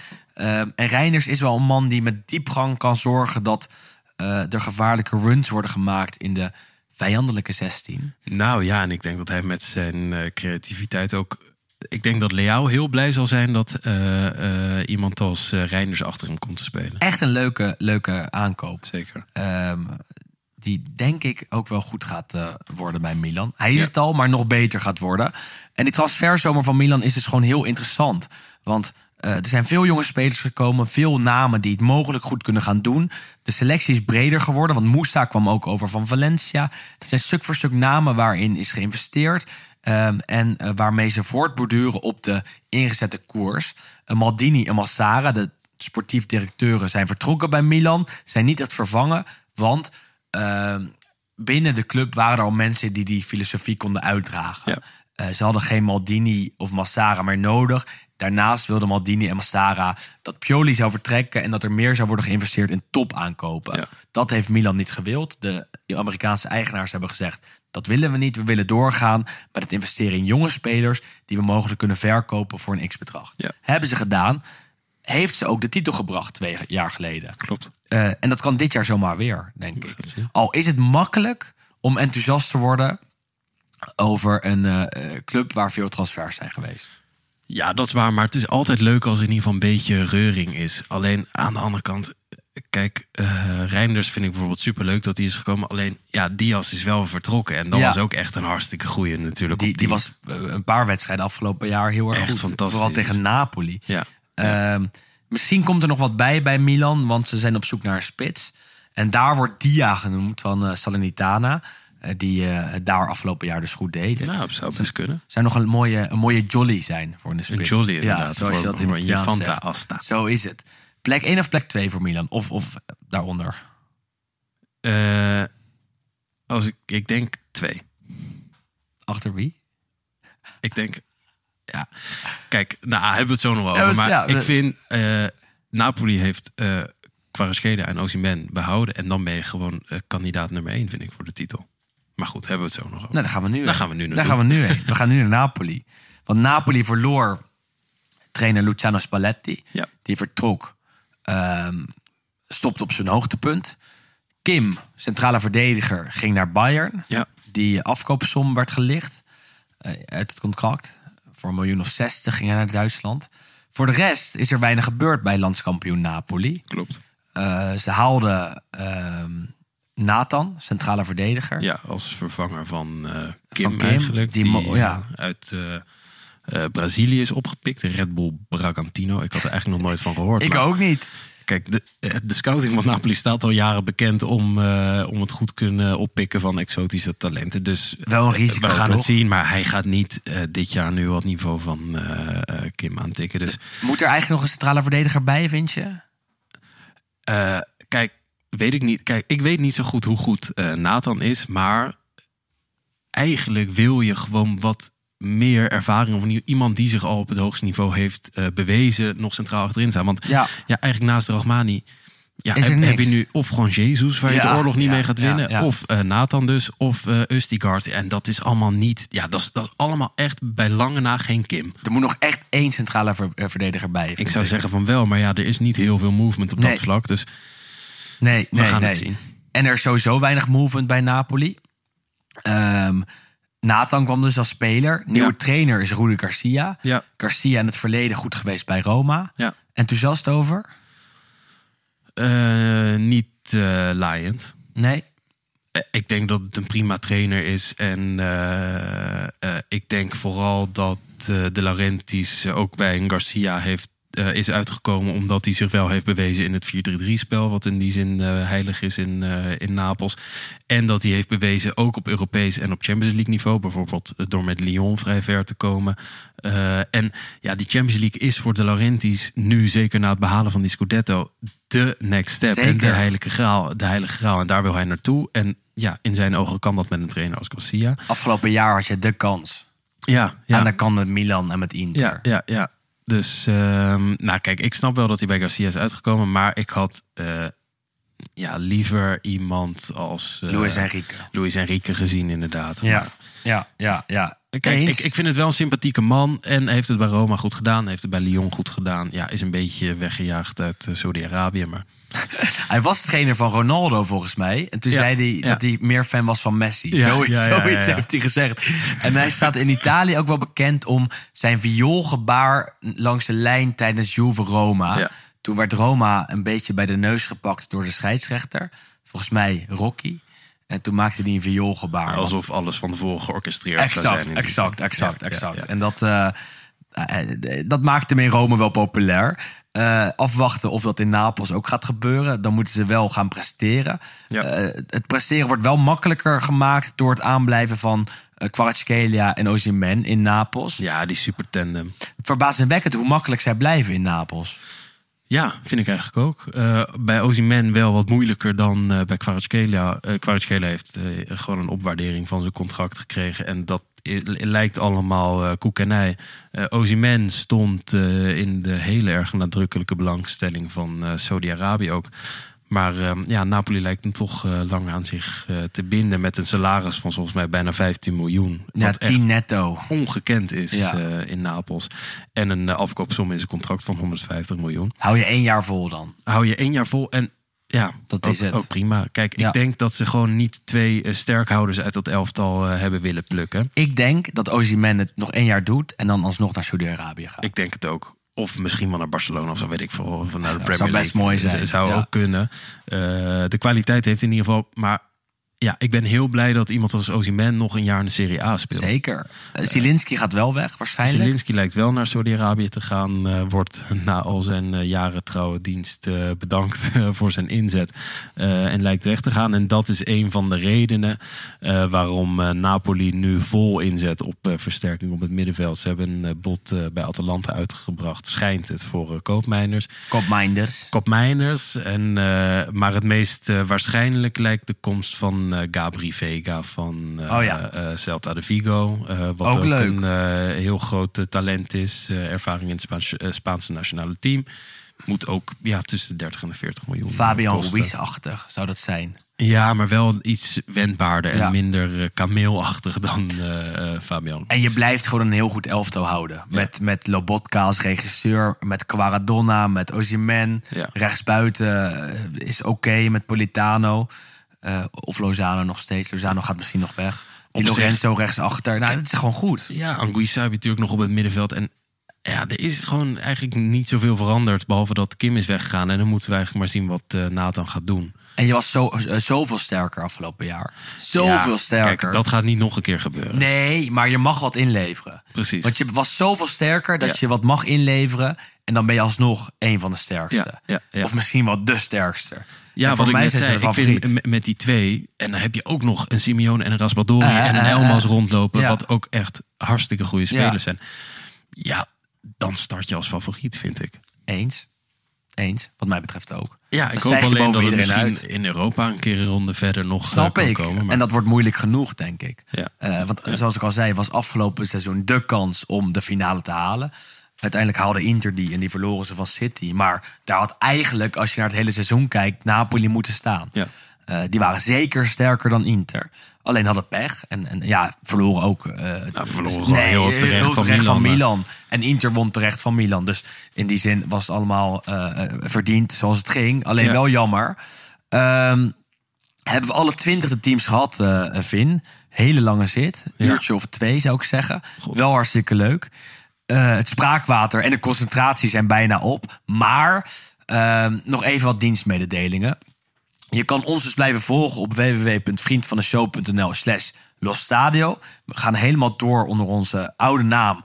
En je kan ons supporten voor 2,50 euro per maand of met een eenmalige donatie. Dat is eh, hartstikke welkom voor het draaiende houden van de podcast. Dat is mededeling 1. Mededeling 2 is dat we er vanaf nu elke maand zijn. We zijn er telkens aan het begin van de maand, waarbij we terugblikken op de afgelopen speelweken. En dan gaan kijken naar wat er allemaal gebeurd is. Juriaan van Wessem is erbij, wij zijn erbij. En eh, we hopen dat jullie er ook blij blijven zijn als, eh, als luisteraars. Eh, en als derde is het nog belangrijk om te zeggen dat we weer een voorspelcompetitie hebben opgezet. Die gooit Wesley direct na het verschijnen van deze podcast online. Daarmee verloten we onder de deelnemers een shirt van een Italiaans elftal, van een Italiaanse club. En onder de Die wil je echt winnen. die wil je winnen. Dat is gewoon een mooi shirtje. En onder de eh, winnaar, tenminste de winnaar, die krijgt een eh, fantastisch shirt. ehm, die net als de afgelopen jaren wordt eh, gesponsord door onze grote vriend Damien van Classic Soccer Jerseys. En jij zit hier tegenover me in een shirt van Classic Soccer Jerseys. Dus Ja. nou ja, die wil iedereen hebben. Ik wil er ook wel eentje, heb er nog eentje, maar eh, nog geen. Maar eh, dit jaar denk ik toch die voorspelcompetitie eindelijk een keer te gaan winnen. Ehm Vin, jij bedankt voor het aanschuiven. Het was eh, fantastisch. Superleuk om ik ben blij dat we weer begonnen zijn. Ik, ik krijg ja. er weer helemaal hernieuwde energie van. om de Serie A toch te Zelfs om verwelkomen. 11 uur 's avonds. Toch? Ja. Zo is het. Ehm, ik ook. Ik ben nu wel op. Het maar circus gaat weer erbij. beginnen. Het circus gaat weer beginnen. Let's go. Calcio is back. Alla prossima. Bye.